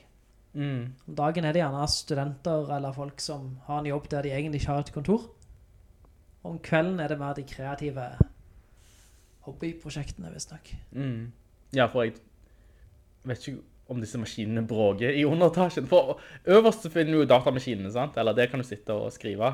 Mens Ja. under, så der mekker de, og jeg vet ikke om de driller ting, men Ja, de la, driller gjerne. lager det lyd, kanskje? Ja, det, det må det gjøre. Det må det Så, gjøre. så det, det passer ikke helt sammen. jeg. Men det med 3D-printing, det må jeg undersøke nærmere. Mm. For jeg forstår, altså Hvis de laster ned en modell og trykker kontroll P, Mm. så er ikke det så kreativt. Nei. Nei. Og når de ikke har sagt at Makerspace skal være et kreativt sted, det er jo ikke de som driver det. Kanskje det er noe mer til 3D-printing som jeg ikke forstår. Om det er noe sånn reverse engineering, at de tegner modellene, eller Det kan jo være. du må file de etterpå, eller male de, eller lime sammen ulike biter. Kanskje det er noe sånt. Det kan det. Men Hvis det kun er kontroll P, så kan jo til og med jeg gjøre det. ja, du kan trykke på en knapp du òg. To på en gang, så jeg klarer. Du trykker på knapper hver dag, du, så. ja, ja. Nei, Nei, det var- det var et veldig kult sted. Ja. Ehm, kul kultur. hva var, av alle de spillene der, hva var favorittspillet ditt? Pinball. Pinball. Ja. Jeg lurer på om du fikk du rekorden av oss. Nei, det vet jeg ikke. Jeg tror ikke jeg gjorde det bra. Ja, ja, nei. Men Det var noen multiball du fikk på gang der. Ja, jeg syns det er noe forlokkende. Og jeg har noen sånne gode minner fra barndommen i, fra Pinball Fantasies på PC-en. Ja, ja, ja. ja. Så akkurat det med pinball er på en måte eh, ja, det er definisjonen av en arkademaskin for meg. da. Han er så fysisk, Mm. egentlig. Det, der er jo noe lys og lyd, men det er en fysisk kule. Jeg syns det er veldig fascinerende. Og bevegelige deler, sant? Du, ka- altså, du må trykke på denne knappen som veger på denne flipperen. Ja. Så ser du kula flyge opp og en lund rundt i loop, og så ding, ding, ding, ding, ding, ding. Ja, sant? Så lyser det, og så kommer det poengsummen. Så, altså, det er jo veldig belønnende. ja veldig. Ja. Så det, det var nok min favoritt. Hva med deg? Ehm, point blank, tror jeg. Å, oh, Point Blank var bra. det, det, er- altså, det er jo gøy å holde en pistol og, og skyte. Ja.